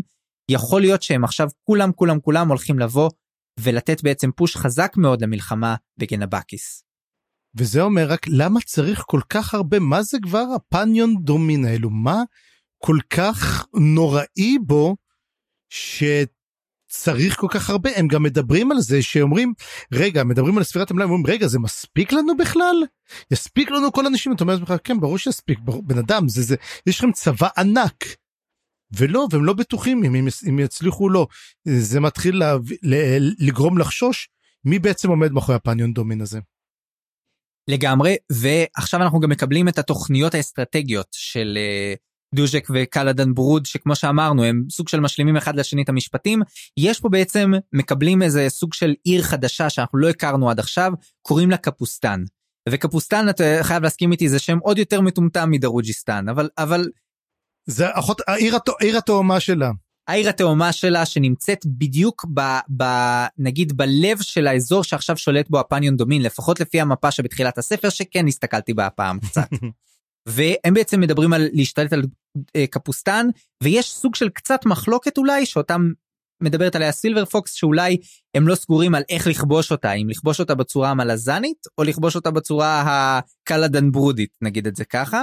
אה, האם זה יהיה כיבוש ישיר או כיבוש כזה חלקי או סמלי בקיצור אנחנו לא סגורים על זה אבל בכל מקרה הם, יוצאות משם מהאוהל אחרי השיחה הזאת ואז וויסקי ג'ק שואל את סילבר פוקס אם היא זוכרת את החיים של טאטרסל מה היא זוכרת מהחיים שלה ואז אנחנו מקבלים קצת מבט לתוך הלב של טאטרסל סליחה ללב של סילבר פוקס.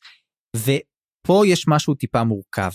אני חושב שלא סתם דיברנו עד עכשיו על נייט צ'יל והסיפור עכשיו של הטלנימאס אנחנו מבינים שסילבר פוקס היא לא טאטרסל. כמה שלא נרצה לראות את טאטרסל שוב. היא גם טאטרסל אבל יש בה עוד נשמה ממש הנשמה של נייטצ'יל נמצאת בתוכה. וזה מאוד מורכב כי אנחנו דיברנו על זה שנייטצ'יל הייתה כנראה אלה זה מאוד מאוד מורכב האם נייטצ'יל באמת הייתה מתה? האם אלים יכולים למות צפריר אנחנו לא יודעים את הדברים האלה. זאת שאלה טובה כי אנחנו יודעים שאולי אלים יכולים להיפגע על ידי בני תמותם. שזה מה שקרה השאלה עצמה מה נוצר מהערבוב של נייטשיל ושל טאטרסל כי עדיין וויסקצ'ק אומר אני רואה את העיניים יש לה עיניים עייפות כאילו עיניים כאילו נראות כאילו drooping כאילו עייפות והוא אומר כן אני רואה אני מזהה את המבט של טאטרסל בה אבל הוא אומר העיניים הם לא שלה. הוא אומר הם כנראה שנייטשיל הוא גם מדבר על נייטשיל והוא נזכר בנייטשיל והוא אומר היא לא היו לה חברים, היא לא דיברה עם אף אחד, היא הייתה החביבה של הקיסר, ועד, ורק מי שהיחידי שדיבר, הבין את זה בלורדן, היחידי. וגם מעלים פה את השאלה גם, מה קורה עם בלורדן? גם הרי נכון. בלורדן היה בכל השריפה הזאתי. כן ונראה שיש פה כן חיבור טוב בין וויסקי ג'ק לסילבר פוקס וכשהוא מציע לה לראות למשל את קוויקבן אחר כך ושהוא קצת ינסה להבין מה קורה איתה היא מסכימה דווקא. כשמדברים על פארן אה, היא נראה כאילו כן רוצה לפגוש אותו למרות שוויסקי ג'ק מתחבט עם עצמו אם הוא רוצה בכלל או חשוב או זה טוב בכלל שהם ייפגשו. אבל סילבר פוקס כבר פגשה את פארן אני חושב ש... אני חושב שהיא מבינה זוכרת מי הוא יש לה עדיין איזשהו קשר אליו אני מתלבט איך אה, פארן הולך להגיב פה לעסק אבל לדעתי לשם האירועים אה, מכוונים כרגע וזה פחות או יותר מה שקרה בפרק הזה שהוא היה רובו דיבורים אה, אני חושב לא היו המון פרקים כאלה בספרים עד עכשיו. לא אני מקווה אני דווקא נהנה מאוד מהדברים האלו כי ממה שאנחנו קיבלנו את הנקודה איפה אנחנו נמצאים כרגע בכלל כל הפרקים האלו יהיו פרקים יותר של מין הכנה. כל הפרקים האלו גם פרק ראשון שני שלישי מין קודם כל פרולוג נתן לנו את ה... אוקיי אנחנו הולכים להתעסק יותר בג'גהותים versus טלנימאס. פרק ראשון נתן לנו קצת יותר את המאבק שהולך להיות פה בעצם עם מורן ועם הקרע, כל הסיפור עם טוק ועם אנבי וכולם. פרק שני קצת הראה לנו את האל הנכה ופה בעצם הבנו את המלחמה. ויהיה מעניין לראות לאיפה זה ילך.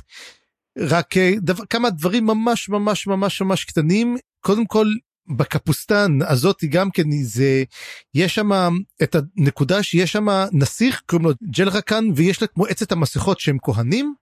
והשאלה במי הם יבחרו הם יבחרו ללכת עם uh, בעצם כיבוש או שלשתף פעולה יחד עם הנסיך. והם מחליטים לשתף פעולה עם הנסיך וזה בעצם הסוד הגדול של דוז'ק שדוז'ק כבר שלח שליחים אליו.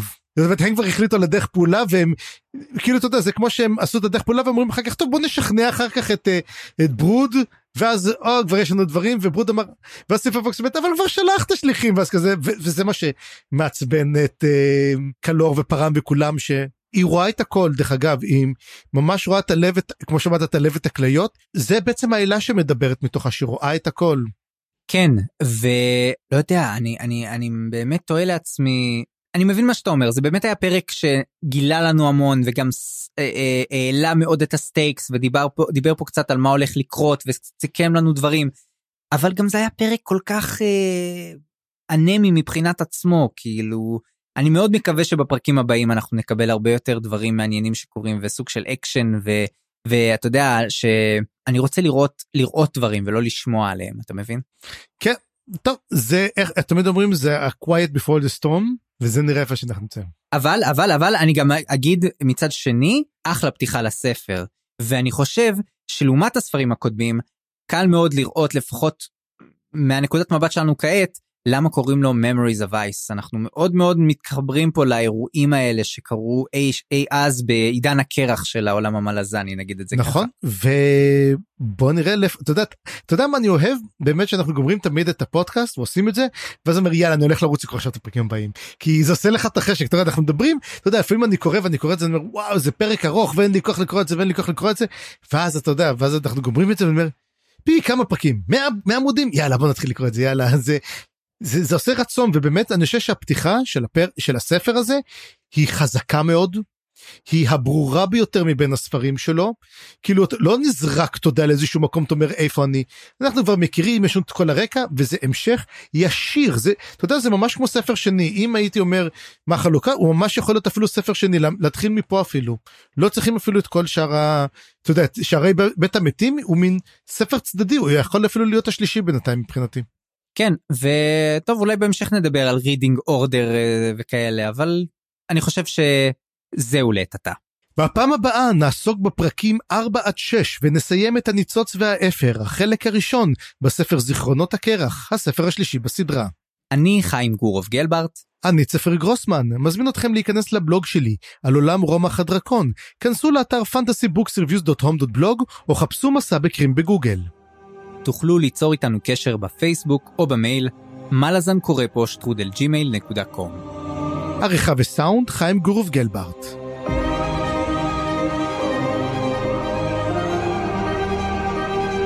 הצטרפו אלינו לדיונים בקבוצת הפייסבוק מלאזן קבוצת קריאה. תודה שהאזנתם וניפגש בפרק הבא.